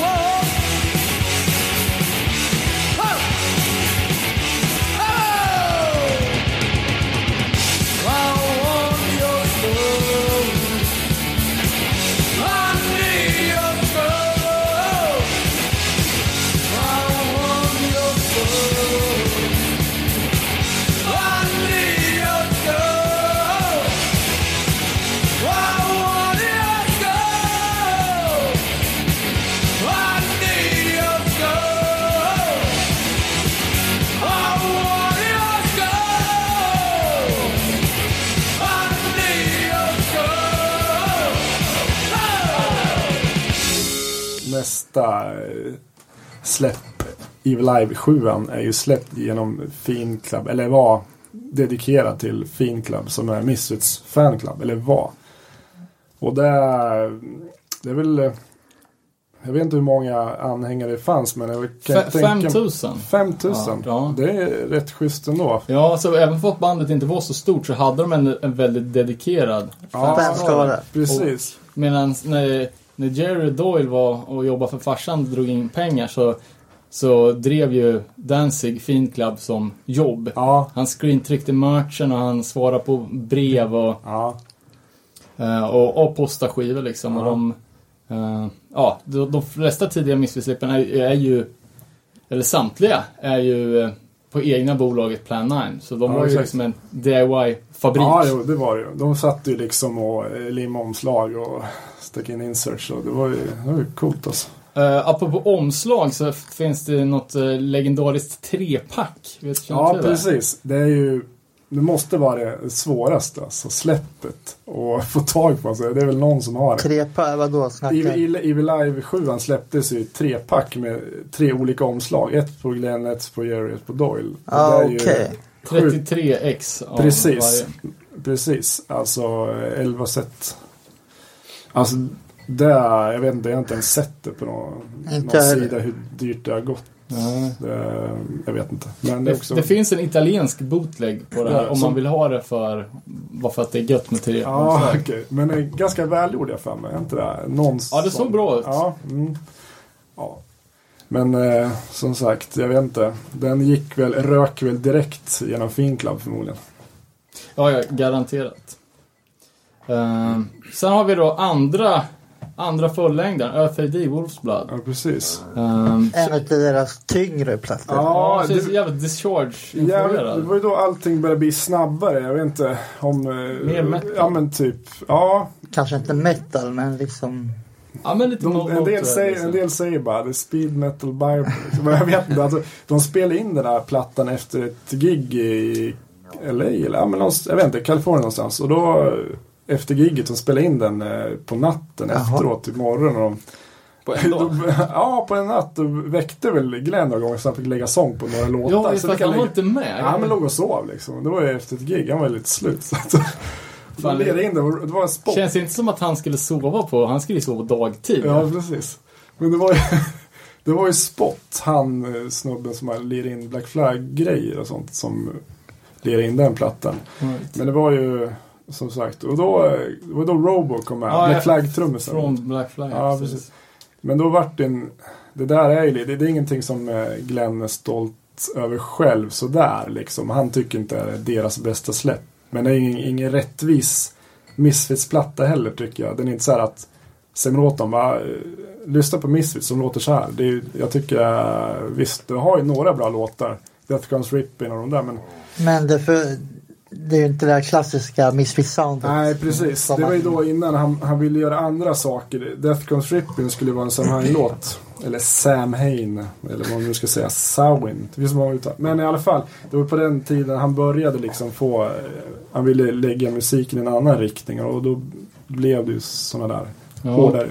Ja, men det är tydligt att det är väldigt mycket mörkare och det är inte så, alltså de här, det glättiga, Ratfink och... Nej, det är ingen sån här äh, sing-along som äh, Martian och de där. Liksom. Det, är- det är mera...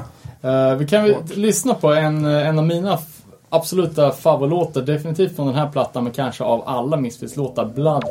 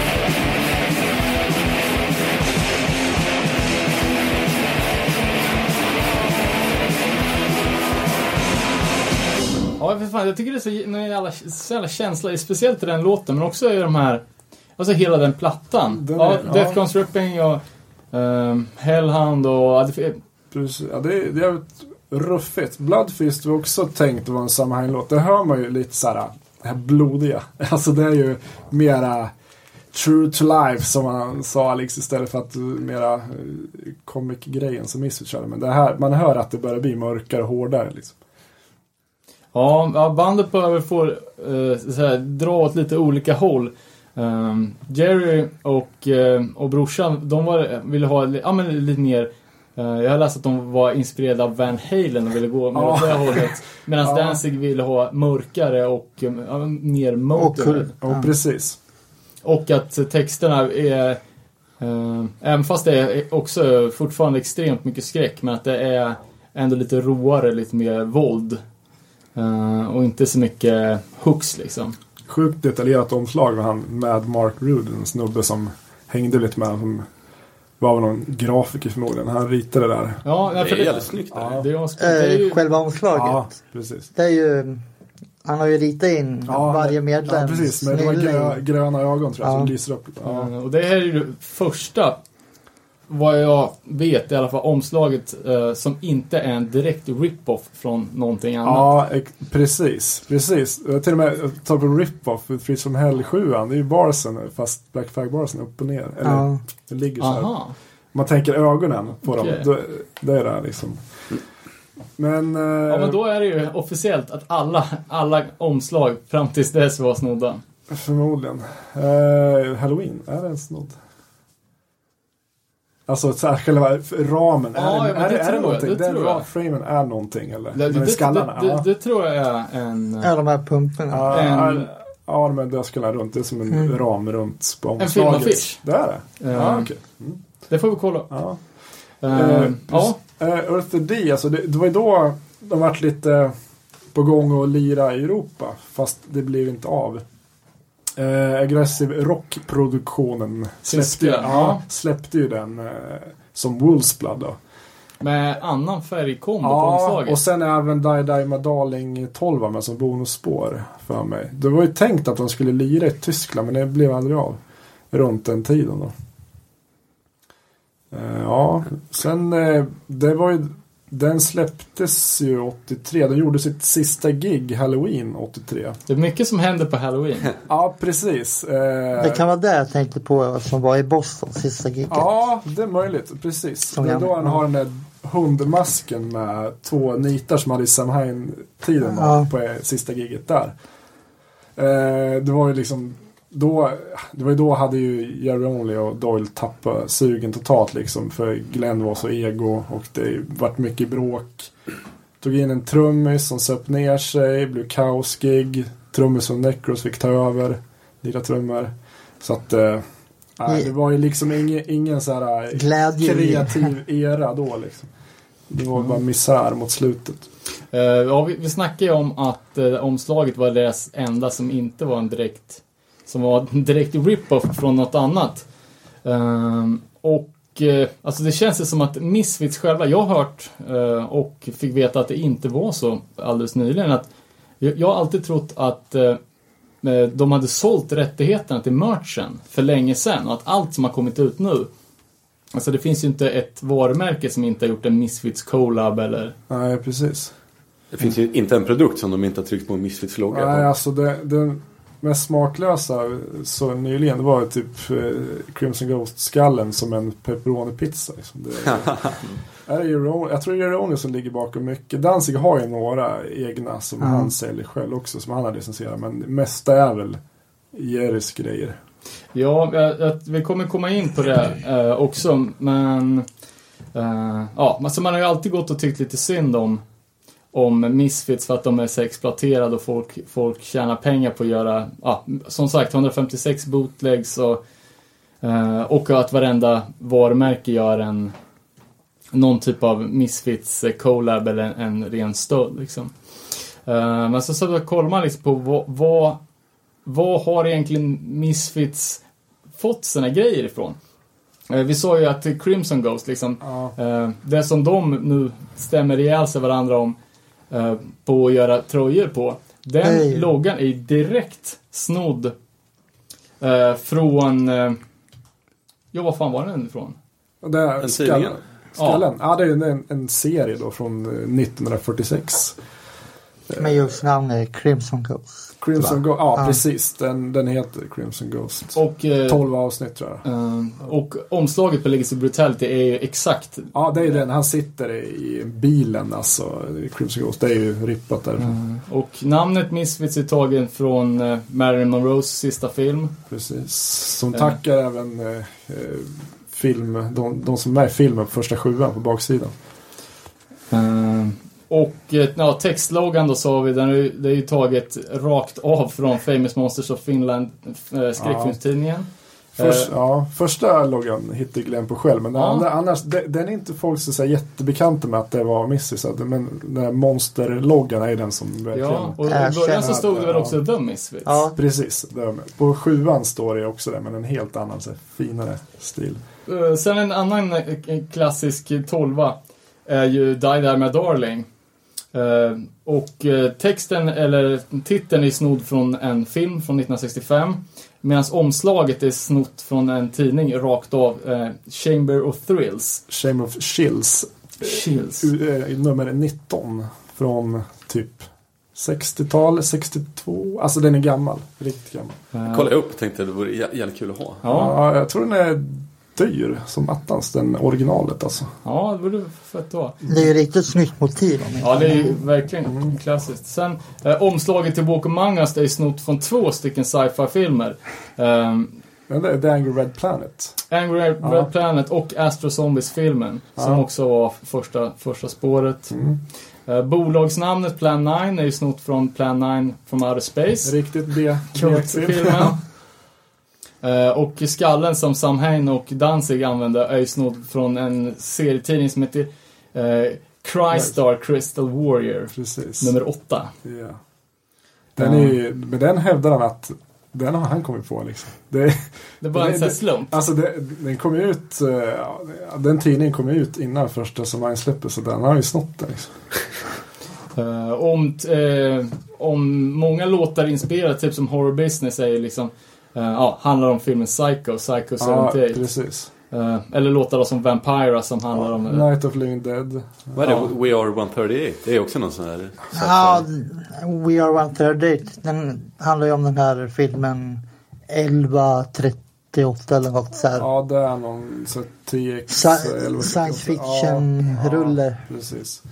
Eh, ja, många låtar är ju också direkt tagna från filmnamn. Jag tänkte om vi, om vi kunde, kan brainstorma ihop någonting som vi, som vi vet. Ja, så, eh, Night of Living Dead som sagt. Eh, Astro Zombies. Brain Eaters tror jag också en film. Garanterat. Return of the Fly är ju garanterat. Ja, det, är en film. Ja, Eh, exakt. I turned into Martian. Jag tror att 20 Eyes är en film. Det låter som en riktigt dålig.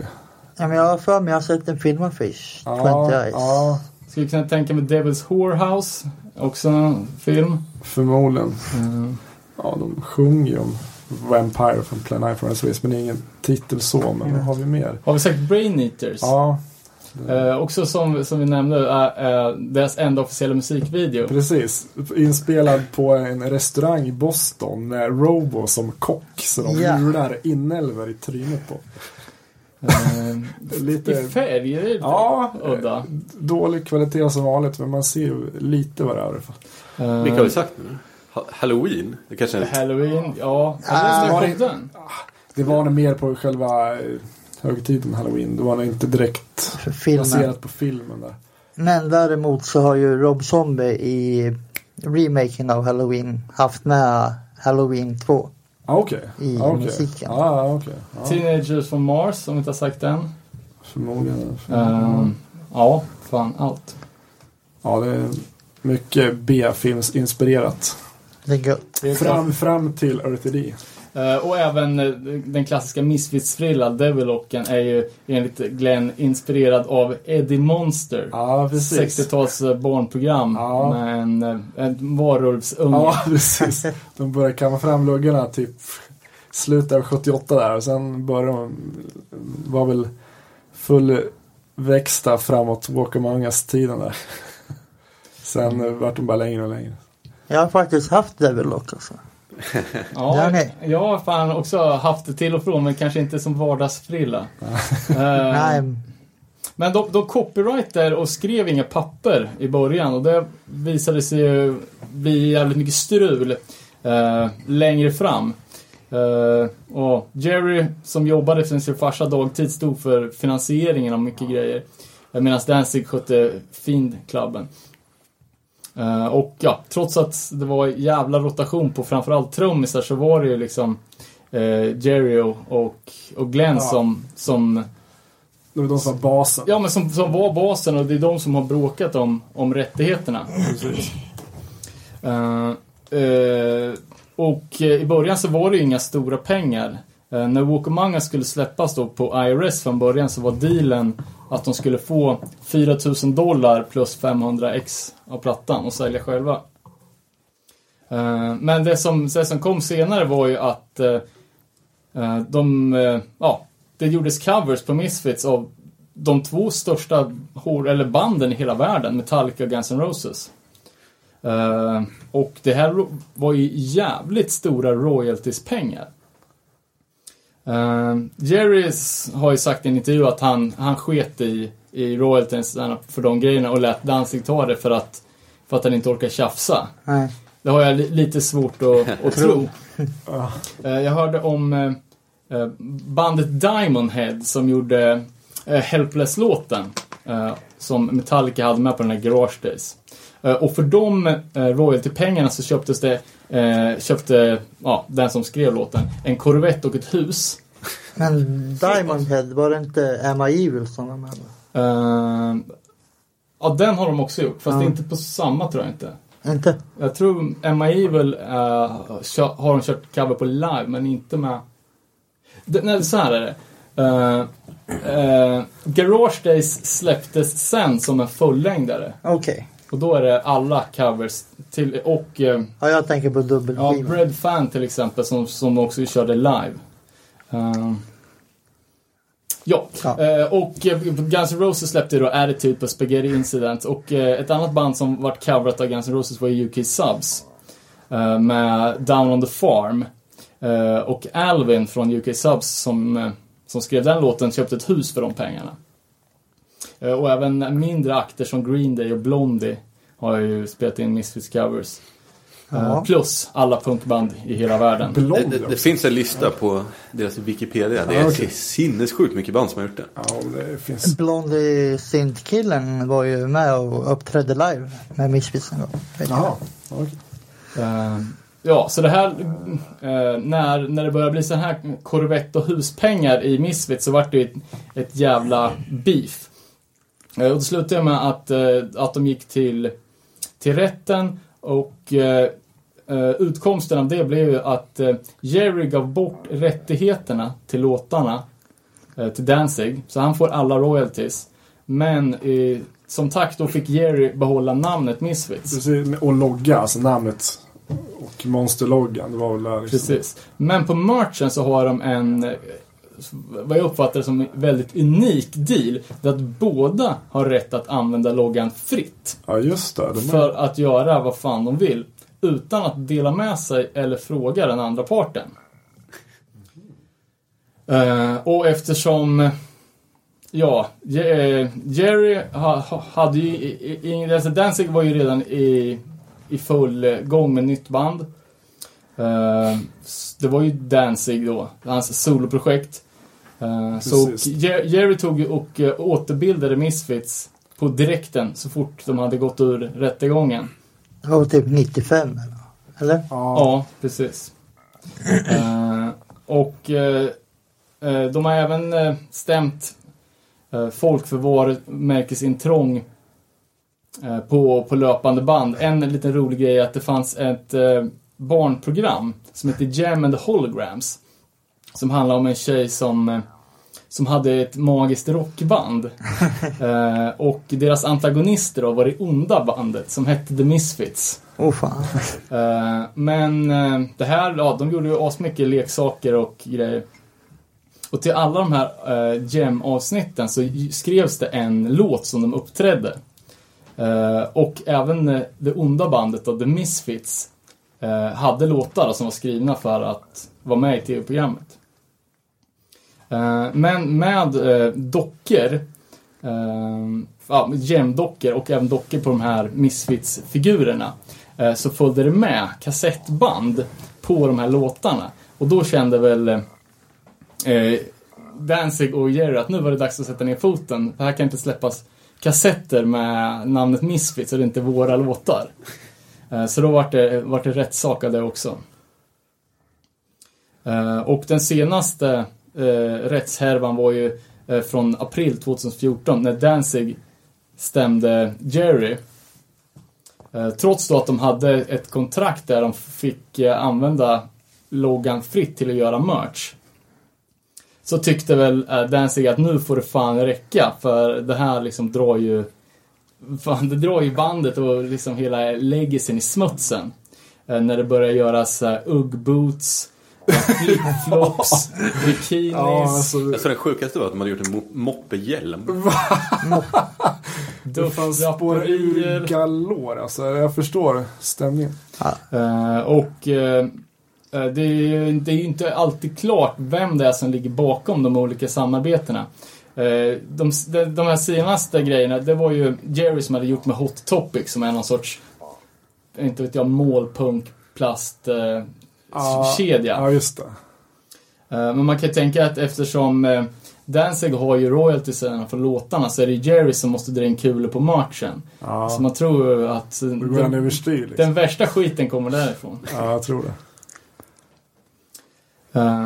Ja, eh, och Misfits blev ju erbjudna, det nybildade Misfits, uh, blev e- erbjudna 250 000 dollar i förskott för att spela in plattan American Psycho.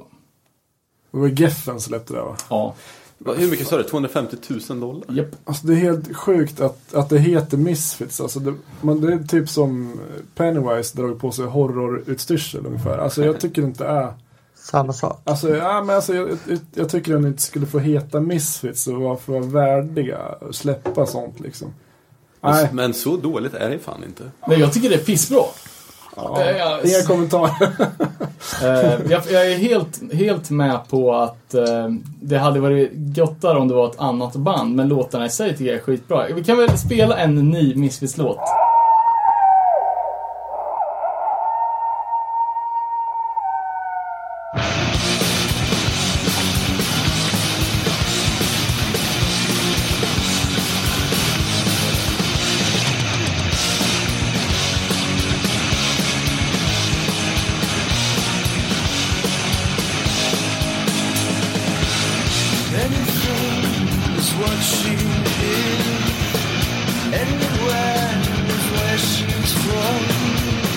Anything is what she'll be.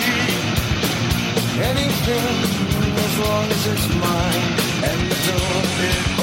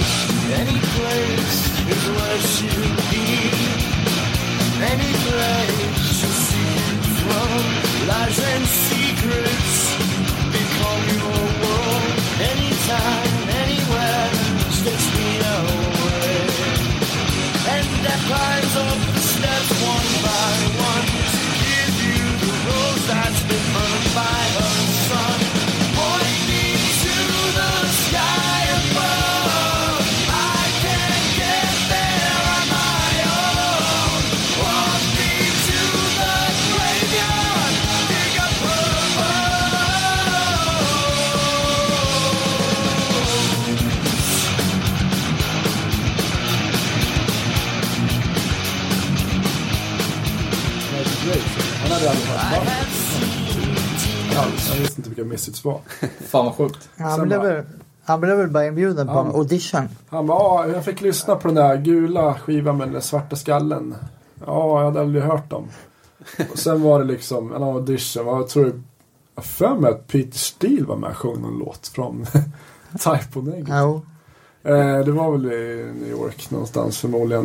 Men eh, ja, jag vet inte. Många hatar han. Och det kan man ju förstå liksom. Men eh, kidsen som inte kanske visste sådär, ja, så mycket historia om gamla Misfits hakade på det där förmodligen. Ja, ja, för som jag sa, jag tycker, jag tycker låtarna är jävligt bra men De blev lite kända på nytt. Ja men, liksom. ja, men verkligen alltså. Eh, Det var ju, ja, och jag tror att folk inte riktigt kan skilja på äpplen och päron heller. Folk som kom, kommit in på Misfits efter 95 eh, fattar inte riktigt skillnaden. nej, jag tror väl lite, det var nog lite så här, vad ska man säga, som en, eh, en motreaktion där. Glenn var ju med Caroline och släppte Static Age då. Eller om det var Jerry Rollins var inblandad. Men det var någonting att det, det hände lite där. Boxen släpptes. Mrs Boxen släpptes 96. Och, alltså det, var, det var ju mycket som blomstrade upp där igen. Ja men precis, ja, att Misfits var på tapeten på alla fronter Ja, liksom. precis. Ja, för Collection, Collection 2. Kom ju också innan boxen, 95. Ja där. precis, ja. så det var ju väldigt mycket Misfits. Ja, det var väldigt mycket Misfits. Eh, och, Boxen menar det är den kistformade? Ja, precis. och första pressen på, på boxen Mm. eh, är 50 000 ex. Eh, Ja, det- så det- då, då kan man väl snacka Ja. vilka, vilka enorma upplagor det gick från att Ja, precis. alltså vara några tusen av en sjua ja, till... exakt. Alltså eh, den boxen var ju dyr Ja, redan var, nypris. jag tror det kostade typ så här 800 spänn. Ja, någonting. det är fyra, fyra CD-skivor och ett pin. Ja, liksom. exakt. Och det är ju en rätt tjock bok. Eller Ja, ja, det var det man, man fick se texterna för för första gången. Liksom. Plattorna, är det Static Age? Precis. Collection 1, 2 och Collection snarare ett. en sessionsplatta med massa osläppta sessions som man Okej. säger som inte släppta på 7. Var inte Rise of Brutality med i någon? Oh, den är med. Legacy Brutality, Evil Live, Orthody tror jag typ på samma skiva. Det är såhär Ja. bakat. Men Det var väl några In the Doorways, Ja. Spook City. Eh, Plus att hela Static Age var ju inte släppt då. Nej, In the Dory kom ju senare på det separata släpp, släppet Static Age, men då var den inte släppt. Det var ju första gången den släpptes. Den skulle vara en så lyxig förpackning på CD, men det var ju en kul grej att höra den. Liksom, bra, bra Legacy Brutality, typ, i bra produktion skulle man kunna säga. Ja. Eh, men det, ja. Ja. den blev ju populär. Eh, men till... till, till Köp, Danne, köpte inte du den av sången i Ultima Thule? oh, jag tror det. Ja, Eh, det finns ja. alla sorters Misfits-fans. Jan Ja. Törnblom i Ny- Nyköping var det i alla fall. Kan ju finnas flera. Eh, ja men nya Misfits då med första nya sångaren Michael Graves har lite roliga eh, ja, han verkar ju inte ha gjort sin hemläxa om man inte kände till bandet sen tidigare och han fick ju också kicken två gånger. Eh, först för att han kom för sent med en dag till två dagars inspelning av Scream-videon.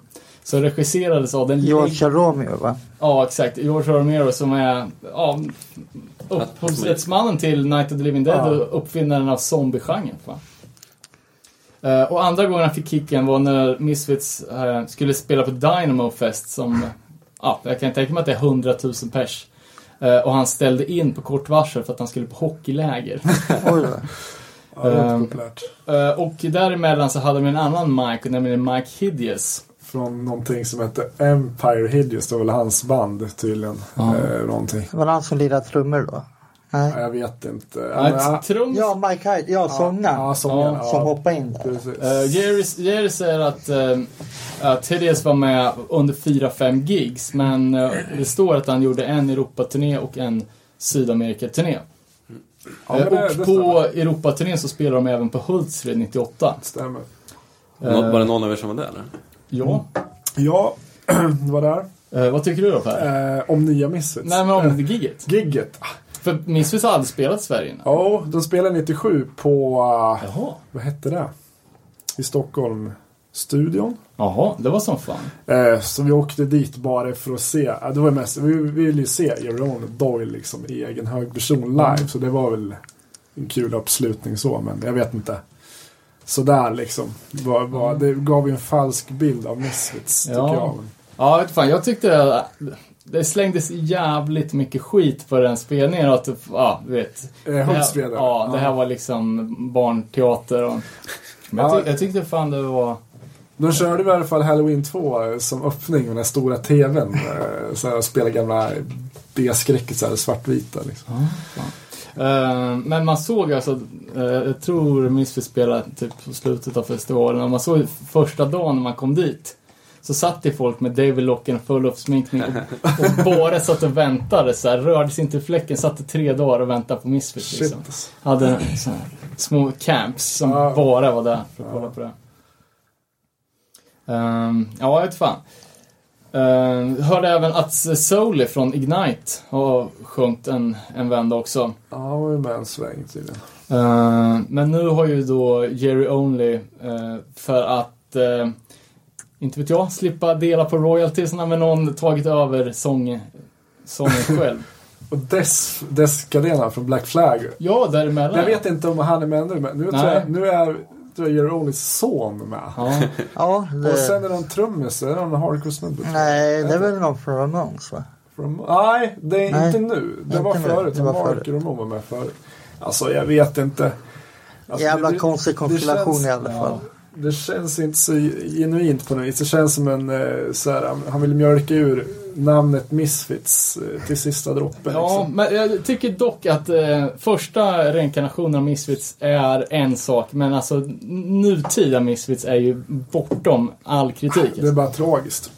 Och folk hatar ju på, på nya Misfits. Uh, så här, liksom när, när dess uh, Cadena um, diagno diagnostiserades med strupcancer så var ju folk där liksom, det här är Guds straff liksom. Så, Lite väl kanske. lite väl, men hatet var ju sant liksom. Ehm, ja, och sen eh, vi publicerar ju en bild här för, för att hypa upp det här avsnittet. Eh, klassiskt clickbait. Det hade ju luskat fram ett gammalt kontrakt som skrivet eh, för, förra året. På en reunion som var väldigt nära förestående. Eh, för en omfattande 40-års jubileumsturné då, som skulle gå av stapeln nästa år. Oh fan. Eh, och eh, jag tog en, en screenshot på kontraktet och märkte ut med röd penna liksom de ljusiga delarna. Eh, och sen såg jag dagen efter så såg jag att det var ju någon som hade delat det på Instagram. Och sen hade den snurrat vidare så jag hittade fyra delningar. Tre från USA. Okej. Och med massor med kommentarer och folk som, som både grät och eh, grät av sorg och grät av lycka. Men vad, vad kommer det där ifrån? Är det kontraktet? Vem har liksom... Ja, är det på riktigt eller? Det var ett riktigt kontrakt. Var det det? Men det vart aldrig underskrivet liksom. Okej, men det där var ju på tapeten för eh, 25-årsjubileum, vad nu ska kalla att de håller på 25 år. 2002 var det ju på gång på riktigt. Alltså det här har man fått höra i efterhand, många år i efterhand, att det var alltid gått så rykten på forum, speciellt det Seventh House eh, Forumet, Ja, ja. att eh, ja, nu ska Misfits återförenas och alla bara nej, nej, nej, det kommer inte hända. Men då var det att eh, Doyle och Jerome flög över till LA och hade möte med Glens management och allt sådär. Men han var lite nonchalant. Han sa väl att, till Jerome att du får ju lägga ner ditt eh, typ skit du håller på med och sen får det vara lugnt några år. Sen ska vi komma tillbaks liksom, Ja. släppa platta och turnera. Men det gick inte de med på. Men den här, Det är, det är som Doyle säger att eh, du kan inte ha liksom två chefer i ett band. Det, det, det gick liksom inte. Nej, det känns som att Danzig gillar att eh, styra och ställa. Ja, men den närmsta reunion man kan ha kommit, det var väl Metal Town för ett par år sedan. När Ja. Danzig hade med Ja, Doyle just precis. och precis. körde Eh, sista setet. Exakt. Och, Misfits-låtar. precis, det, det är ju det, det, är ju det närmsta man har, man har kommit till reunion. Doyle körde med Danzig första gången på hans eh, Circus of Snakes eh, skiva som Okej, ja. extra nummer typ 2005 var där och ett år efter släppet. Plattan Men släpptes. har Doyle sadlat om nu och är lag med Danzig snarare än sin brorsa? Ja, det verkar som det. Det Alltså, sen kör han sitt eget eh, soloprojekt. Ja, Doyle, som, det går inte ens att lyssna på. Alltså, det är ju, Vad heter-? Frankenstein någonting? ja, det, det heter Doyle. bara Doyle. Doyle. Före- Förut förut hette det ju något annat. Något mer. Alltså tankarna får, ju, får ju direkt till, alltså när han åker runt i sin extremt stora super uh, stripade nightliner ser ut som en Rydell och Quick. Vem då? Doyle. Har han det? Ja. Ja, okej. den Och sen så är han ju ihop med, med hon som sjunger i Arch Enemy också. Ja, just det, Rydell- just det. Rydell och Alissa. Quick-viben blir total. ja. ja, precis. Eh, Men jag har ju ganska nyligen i, i intervju att Jerry planerar att köra, köra det här så långt det bara går. Ja. Han har tagit in sonen nu då som... Ja, ja men det, det har vi sagt för 20 år sedan. Jag kommer att köra s- till han stupar. Liksom. Ja, så nu här, att jag, jag, tio år till kommer jag köra. Sen kommer jag lämna över det här till sonen så han får ta, ta micken. Ja. Eh, och eh, det här ska rulla vidare i evigheten även om jag är död. Det är lite såhär Kiss-hysteri. Ja. Ja. ja, men... ehm, Ja, vad ska man säga? Eh, Även, även att planerna för, för den ny- nya Misfits är att det ska bli mer teatraliskt och mer show. Eh, Och det snackas även om att det ska göras någon form av rockopera. Missat tal. Alltså, ja. Eh, Nej. ja, ska vi backa bandet lite och prata om, om eh, något lite göttigare? Samhäng till exempel. Det Exakt. eh, Det, var, det är fan göttigt alltså. Det var ju... Det var ju Erivon, Erivon som eh, då är känd som basist i hans soloprojekt också. Danzig, som spelade med Rosemary's Baby som är mer hardcore punkigt band. Som hängde väl lite med Glenn och sådär. De hade väl... Jag hängde med och fotade. Ja, precis. Han, han, han, han fotade ju Misfits mycket under Walk Among Us-eran, även tidigare. Där. Han, mycket av hans foton i Walk Among Us, Walk Among Us innersliven är ju av Eri Von, Erik Stellman, eller vad han heter. Jag hör- hörde att det första, första, alltså, eh, ja, innan Misfits hade lagt ner så hade Danzig planer på att göra eget. Han hade snackat ihop sig med Al Pike från Reagan Youth. Ja, han, han är ju med på första Samine-plattan och lägger bas. Tror jag det är Arking. Ja, precis. Och Arcane, jag tror att den var inspelad... Ja, det, så, den är inspelad... Det, det, det, det är en Misfits-låt som var, var tänkt på att Dave Vanian från Damn skulle lägga sång på. Precis Som var ald, aldrig blev av. av. Precis, det är ju... Den blev sparad till Samhain. Det var ju ganska många låtar som blev sparade till Samhain i varje fall. Men eh, Sen, sen valde ju Al att inte gå med i sammanhang för att han ville satsa fullt ut på sitt fanzine, Straight Edge Magazine. ja, det var ju även andra snubbar som var tänkta att det var till ett mera supergruppsprojekt. Eh, Live Presley och Brian Baker från My Threat. Så Glenn flög ner till DC innan eh, Samhain startades och försökte få igång någonting där. Fast det var bara Lyle som hakade på. Ja, Som eh, var med på första Samhain-gigget på Rock Hotel i New York då, i mars 84. Där. Hör- hörde även att eh, Graham McCullum som eh, spelar bas väl i Negative Approach var, var med i, i det var ju massa, massa som var tilltänkta. Ja. Och även Tesco Weed från Meatman. Ja, vad skulle Tesco göra? Det vet jag inte. Ja, okej. Ja. ja, men i alla fall. eh, Ställa till med jävelskap och visa kuken. Ja, förmodligen. Men eh, den, den plattan är ju som många andra inspelad i Real Platinum i, i är det New Jersey, tror jag. Jo. Det var ju en studio som var liksom Ja, Men är det där Lodi de har spelat in Ja. alltihopa? Precis, precis. Det var ju liksom, studion var i källaren på några hus och de fick eh, lassa in all, alla instrument och eh, stärkare genom ett kök typ. Men eh, det var ju det första, du har ju den här eh, första introt där, eh, Initium, är ju lagt i trummisen Steve Singh som är Morning Noise. Som en bas som de har eh, bara gått loss på och sen har de liksom spelat upp det där baklänges. Så det är jävligt spooky ljud. Ja, ja fan. Det är ju alltså... eh, jag hade lyssnat på Misfits bra många år innan jag visste Sam, Hein, eh, definitivt innan jag kollade upp dem. Ja, precis. Eh, och det är ju jävligt bra. Alltså, det är ju... Ja, det, det, det är ju mer- mera så här som Glenn beskrev, true to lifestyle horror stuff. Alltså det var ju mera allvar liksom. Ja. Mörkare, råare.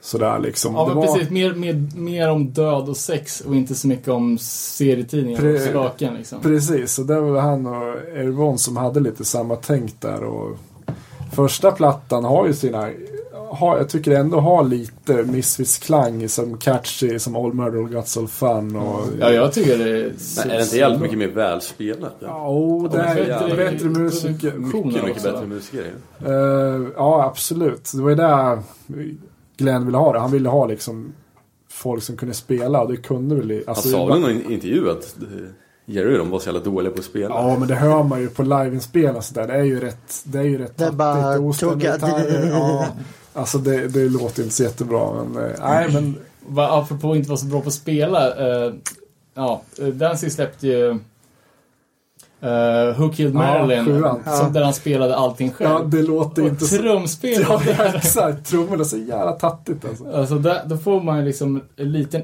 inblick i vilken självbild den här killen har. Precis. Alltså, Bara, jag, ska, jag ska spela allt, men jag kan det inte. Men jag ska Eh, göra det i alla ja. fall. Men som första sättningen med Samhain var ju Aaron på trummor och Glenn bara som började repa upp lite. Och, eh, Aaron var ju även tilltänkt som Misfits-trummis. Men han tackade nej, han ville satsa på Rosemary Baby så det var ju starkt. Men Vad eh, är det för band då? det är ju några hardcore-band. Okej. New Jersey. Också en skräckfilmsreferens. Eh, ja, precis.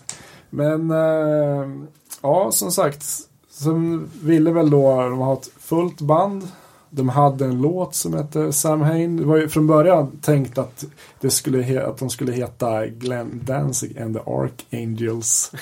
Men det var lite i den eran som Bill Idol släppte något så här. Från Generation X blev Bill Idol. Så han ville inte ha liksom sitt namn. Han ville ha förstår. bandnamn. Så då hade de S- Sam Hain så körde de vidare på det här namnet då. Och Samhain betyder Halloween på någon Ja, eller sånt där. Aves original halloween på något vis. Men man hör ju redan atmosfären på plattan. Omslaget eh, är ju verkligen mera rått liksom och blod. All... Ja, Blood och Devil också. Precis. Eh, Jävligt snyggt. Ja, och så indränkta i blod där. Men, det kan ju vara lite chockat för publiken som vill upptäcka här. Men det, det lät ju väldigt annorlunda skulle jag vilja påstå överlag eh, mot Misfits. Även om de hade på varje platta hade de en Misfits-låt. Som var i Samhain-tappningen. Det har ju Horror Business fast den heter Horror Biz. Ja, just det. Ja, På eh, Initium. Så att, eh, Men jag läste att, att den spelades in redan i november 83. Eh, ja, de började ju lira. Eftersom sista gigget var ju Halloween 83, så det har ju varit i oktober då. Jag tror de inte hade... Ja, de hade börjat lira lite, repa då med, som Samhain. Fast jag tror den är inspelad i början på 84 faktiskt. Eh, släpptes augusti 84. För mig. Och återigen kan man ju liksom dra alltså, lite reality check eh, hur, hur tidigt det här är. Liksom. Nu är det det andra bandet Ja. och de är fortfarande mil ifrån övriga liksom. Precis. Alltså, det har inte funnits ja, är- så alltså, mycket riktigt, eh, så, så, så sjuka grejer knappt Nej. inom metal. nej, nej, liksom, nej, nej, det var ju då. riktigt, riktigt eh, tidigt att vara sådär. Men eh, de ville ju de ville komma ifrån det. De ville väl, som Glenn, de ville väl alltid liksom eh, sticka ut på något vis. Att de tyckte att de vill inte köra på hardcore-svängen, de vill göra något annat. Och mera, han var redan inne på det här kulta redan vi snackade om på Halloween 2 på Misfits-släppet. Så det fortsatte den vevan. Det låg väl och grodde ju bakhuvudet på honom. Så att han ville väl liksom ta ut det där till sin fulla prakt och göra något helt annat. Eh, och det, det hör man ju på det finns ju även nu första gigget ligger ute nu på tuben. Och det hör man ju direkt att det, fan, folk måste fått en chock. Alltså, det här låter inte alls som Misfits. Vad är det här liksom? Han har ju Devil fan kan inte... En del sa ju det här, fan eh, det kommer aldrig bli ett nyss, nytt Misfits efter giggen. En del sa ju bara det här, så här bra var aldrig Misfits. Så att, Bättre musiker. Ja, jag, tycker inte det är så jävla långt. jag, tyck, jag, jag gillar, jag gillar Samhain. Ja, jag, tycker, De- de- jag tycker alltså. ste- steget från eh, Walk Among Us till Samhain-plattorna är ju kortare än från Walk Among Us till ÖFD. Ja, det är det fan alltså. Om man, om man tänker pff, Walk Among Us Initium är inte, ja. Det är, det är ju råare på Initium men ändå har den där lite så här, lite av den atmosfären ändå. Det är ju såklart Glens sång så Ja, mycket jo. men ändå liksom. Ja, Initium har ju en del jävligt catchiga mycket låtar. atmosfär. Det var bra, bra ord för att Ja, sätta fingret på det. Ja, det är ju svinbra låtar på den tycker jag. The Howl, Archangel, All Murder Got Some Fun. Uh, Samhain-låten är grym. Eh, ja, så det finns mycket gött på den plattan. Det är faktiskt en av mina favorsläpp som Glenn har gjort. Ja. Eh, vilken kom sen då? Sen kommer Unholy Passion Ja, det. som, 12-tums... Precis, det var ju då var det sådär att nu när vi är inne på mitten av 80-talet och då liksom var sjuorna inte så jättehypade. Den spelades in november 84 men kom ut i januari 85. Men v- vart är de här släppta? eh, Plan 9. De släppta på Planet. Fortfar- det, den körde Plan 9 he, hela eh, Samhain-eran faktiskt. Caroline kan vara med en sväng på November Come Fire. Men eh, ja. Eh, där planerar han fortfarande och DIY-stuket. Hankar sig fram, eh, limmar omslaget och giggar. Men det börjar ju liksom, ja, jag vet inte. Under Unholy Passion-tiden var det fortfarande liksom lite i sin linda. Samhain hade väl inte breakat sådär. Men den, den skivan är ju lite, lite sunkig produktion på. Ja, det känns som att den, den är mycket svårare att få tag på också. Den verkar inte... Nej, det var ju alltså... För det är alltså... ja, Unholy Passion, det är ju deras hit, måste det vara. den, den är jävligt Ja, den är jävligt schysst. Den är, den är väldigt såhär, den är ju, handlar ju om sex. Alltså, det, det ser man ju på omslaget. Eh, Det är ju, det är hans, det var någonting han hade hittat på till Devil's Whorehouse. För det är ju, det är ju en naken brud med ja, skelettansikte och vingar. Alltså det är ju det är hans typiska Glenn-grejen. Kör Ja, med klipp och klistra in Ja, från de, någons- de är ju inte så stolta över det omslaget, de andra medlemmar. De har ju liksom, det var inför det omslaget bara, men ta kort på det och sen får ni, fan, får ni klippa in det i omslaget. Så det, det var ju inte riktigt så påkostat omslag som Initial. Men, men eh, femspårs-EP, ja, fem- All Hell, All Hell Breaks Loose blev All Hell Mm. där i lite mera Lite metal-tappning på något vis. Lite Samhain-tappning. Men Inte alls så här Nej, inlyssnad inte samma- på. Så Det, jag, är- det är inte riktigt samma driv på den, men eh, schysst platta. Moribund, bra låt. I am Misery, schysst låt. Även, även titlarna är lite mera så här mörka, men ändå är det ju, du har ju, du har det tuffa och kulta i dem.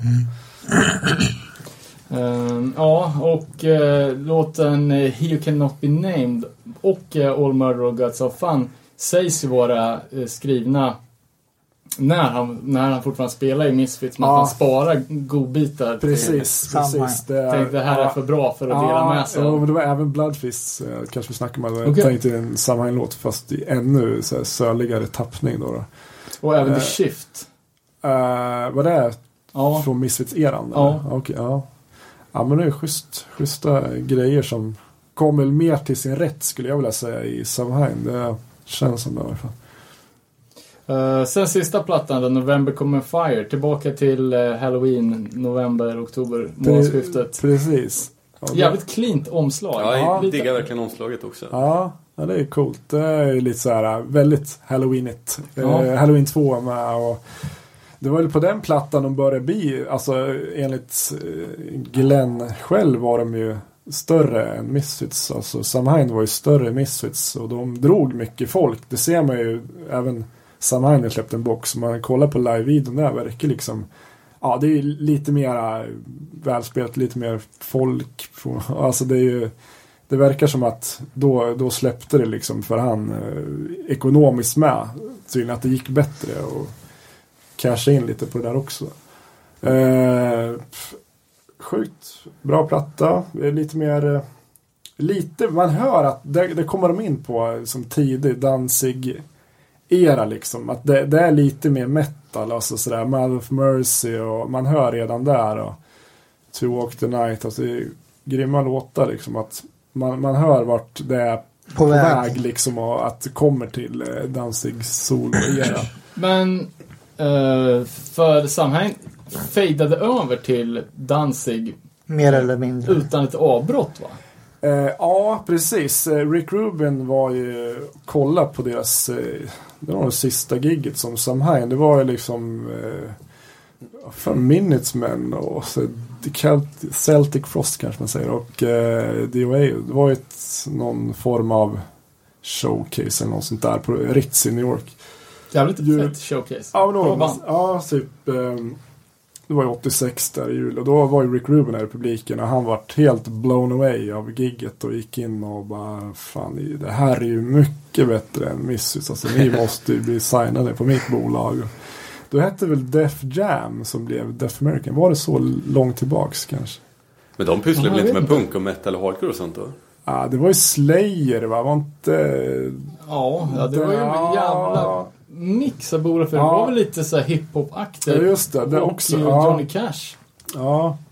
Men det, ja, det var ju då det lossnade på riktigt när de eh, blev signade, eller kom att bli signade. För det var ju Ja, det var ju, han ville ju, Rick Rubin ville ju styra stället för han ville ju Styra upp lite. Han ville liksom göra en supergrupp av det hela. Så att de, eh, han, gitarristen Damien, Pete Marshall, han blev ju kickad.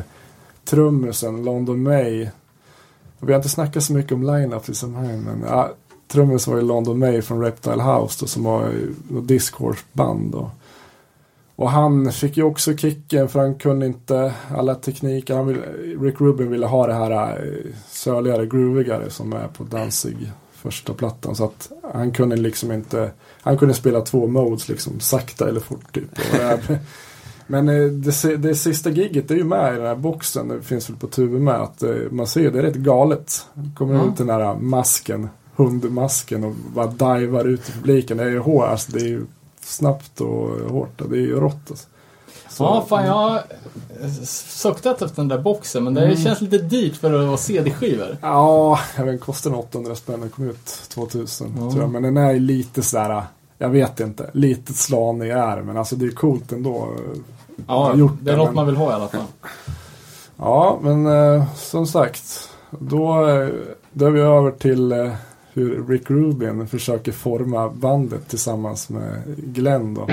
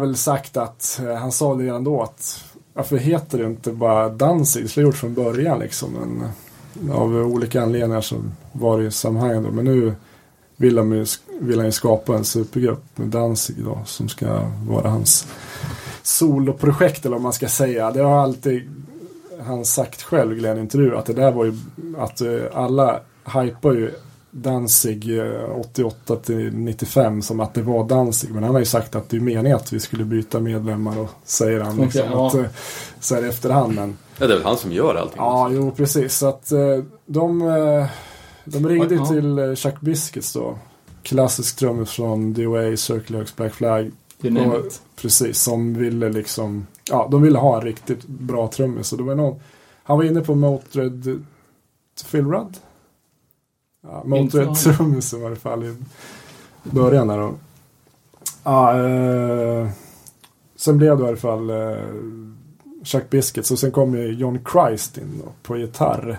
Som Glenn var väldigt tveksam till i början. För han var lite så här eh, corny på något vis. Men eh, det, det, blev, det blev John Christ i alla fall. Och Ervon fick vara kvar efter många år men Trots hans vampyr outfit Liksom sa- Samhain-era. Men en jättelång Devilock och kråsskjorta. Typ. Men eh, ja, de eh, blev lite softare i looken. Och sen eh, körde de vidare och lirade in första Danzig-plattan. Då. Som eh, ja, har en del Samhain, slutet av Samhain-eran som Twist of Cain är ju en Samhain-låt som lirar in när även eh, Metallica-medlemmar gästade som körsånger och sånt där. Som för övrigt är en jävligt bra platta. Mm. Danzig 1 alltså. En klassisk eh, platta. Ja, jag tycker...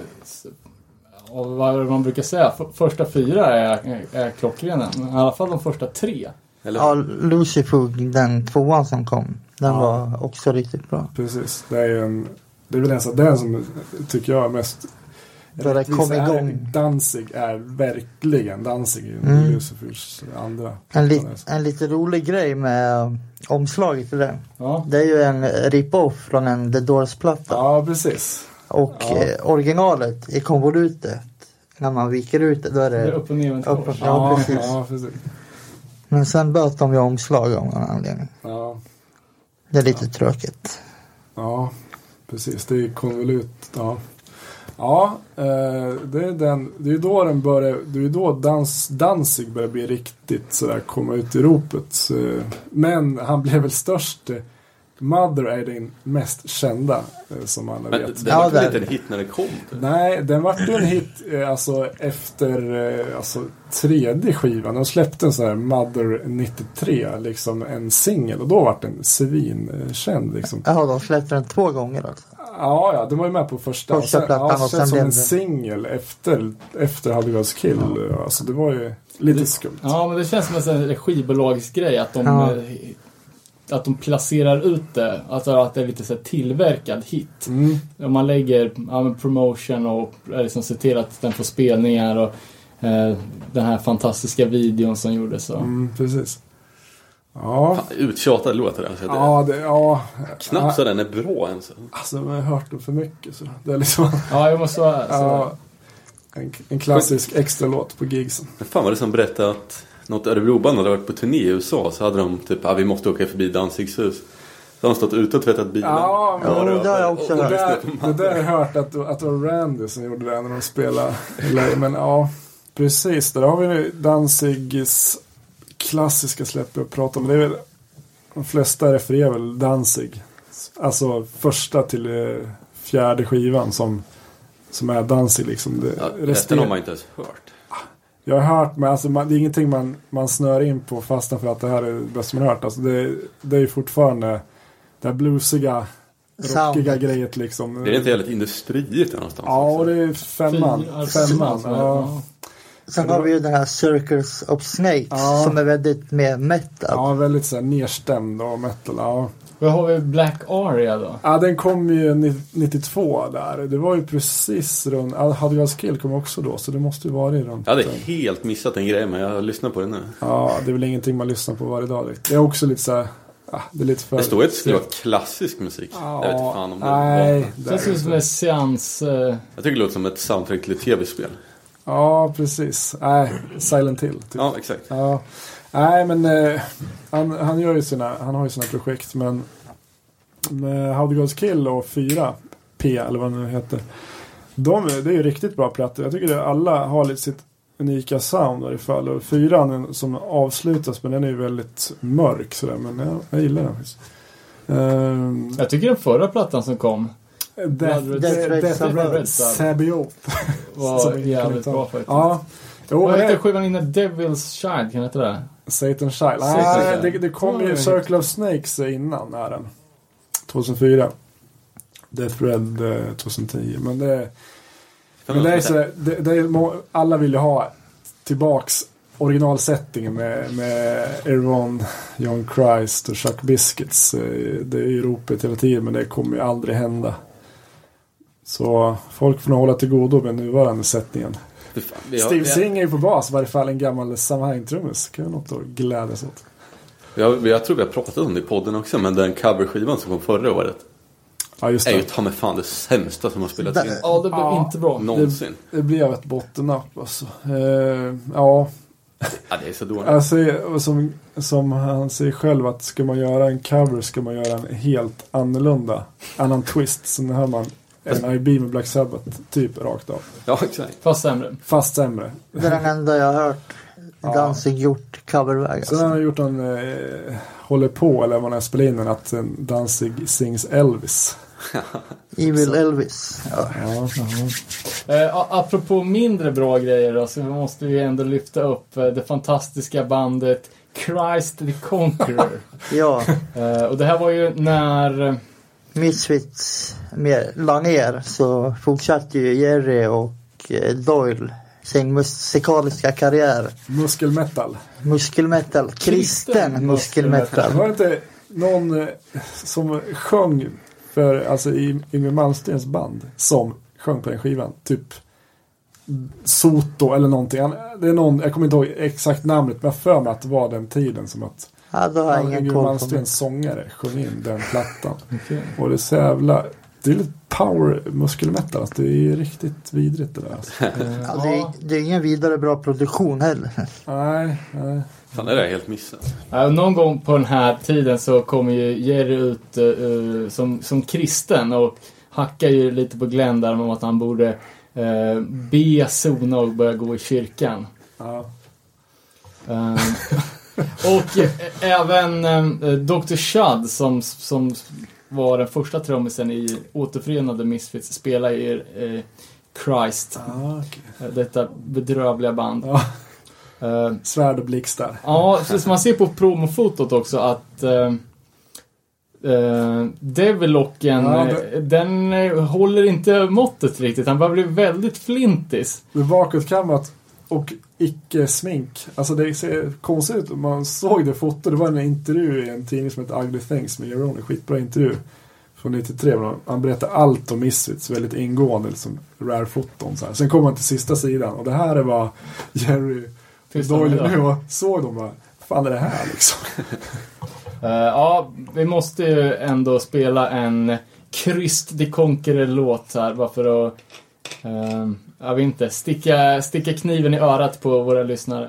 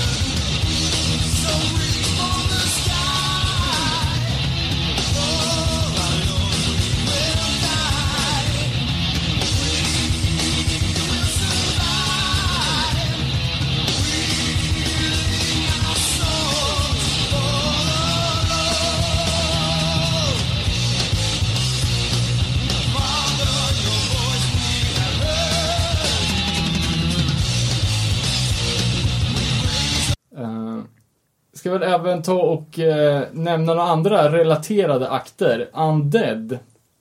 Eh, som är ett jävligt bra band. Som, eh, som startades av Bobby Steele. Eh, precis efter att han hade fått kicken ur Misfits. Det var på halloween-giget 1980, gjorde han sin sista spelning. Men startade upp Undead jävligt raskt och öppnade för Misfits bara två, tre veckor senare eh, på samma spelning som blev Evil Live 7 Ja, just det. På Ritz. uh, Vad är det för typ av musik? Punk? Ja, det är väl... Ja, jag har en sjua. Det var länge sedan jag lyssnade på den. Så det, ja, det, är punk. Ja, det är melodiöst. eh, Ja. Det är Bobby Steele som sjunger med va? Ja. Ja. Ehm, ja men fan vi borde köra en Undead-låt också här sen. Men det är Ja. så rockigare punk Ja. med känsla som fan. Nine Toes Later, är inte det någon? Ja precis, det är först, första Ja, sjuan. precis. Kan köra i introspåret på den. Jävligt bra. Ehm, men det verkar gå jävligt bra för, för Undead. De var fortfarande på goda termer med, med varandra och det var snack om att uh, Nine Toes skulle släppas på, på Plan 9. Mm. Eh, Men sen skrev musiktidningen Sounds att Undead har kommit längre på några månader än vad Misfits har gjort på flera år. Eh, och då var det, då var det genast, genast beef. Eh, och Plan 9 drog tillbaka erbjudandet om att släppa Nine Toes Later. Det var då han sjöng in där Danzig när han spelade Teenage on Mars. Han gjorde om texten till Bobby Steele as an asshole fucking cunt. Eh, hörde även att eh, Bobby Steele hade skickat busar på, på Misfits. ah, okej. Eh, så det var ont blod. Ja. Eh, och Bobby Steele som, som var med på vissa låtarna som, som sen gav ut, gavs ut på både i boxen och på Caroline Collection 1 och 2. Eh, han säger att han, inte, att han inte fick några royalties för det. Eh, och eh, på många låtarna så vart han ju också överdubbad. Eh, och Precis. utraderad ur historien. ja, mycket överdubbningar har det blivit. Ja, det kanske får sätta, sätta spiken i kistan. Ja, det finns hur mycket som helst att prata om men vi måste dra gränsen någonstans. Ja.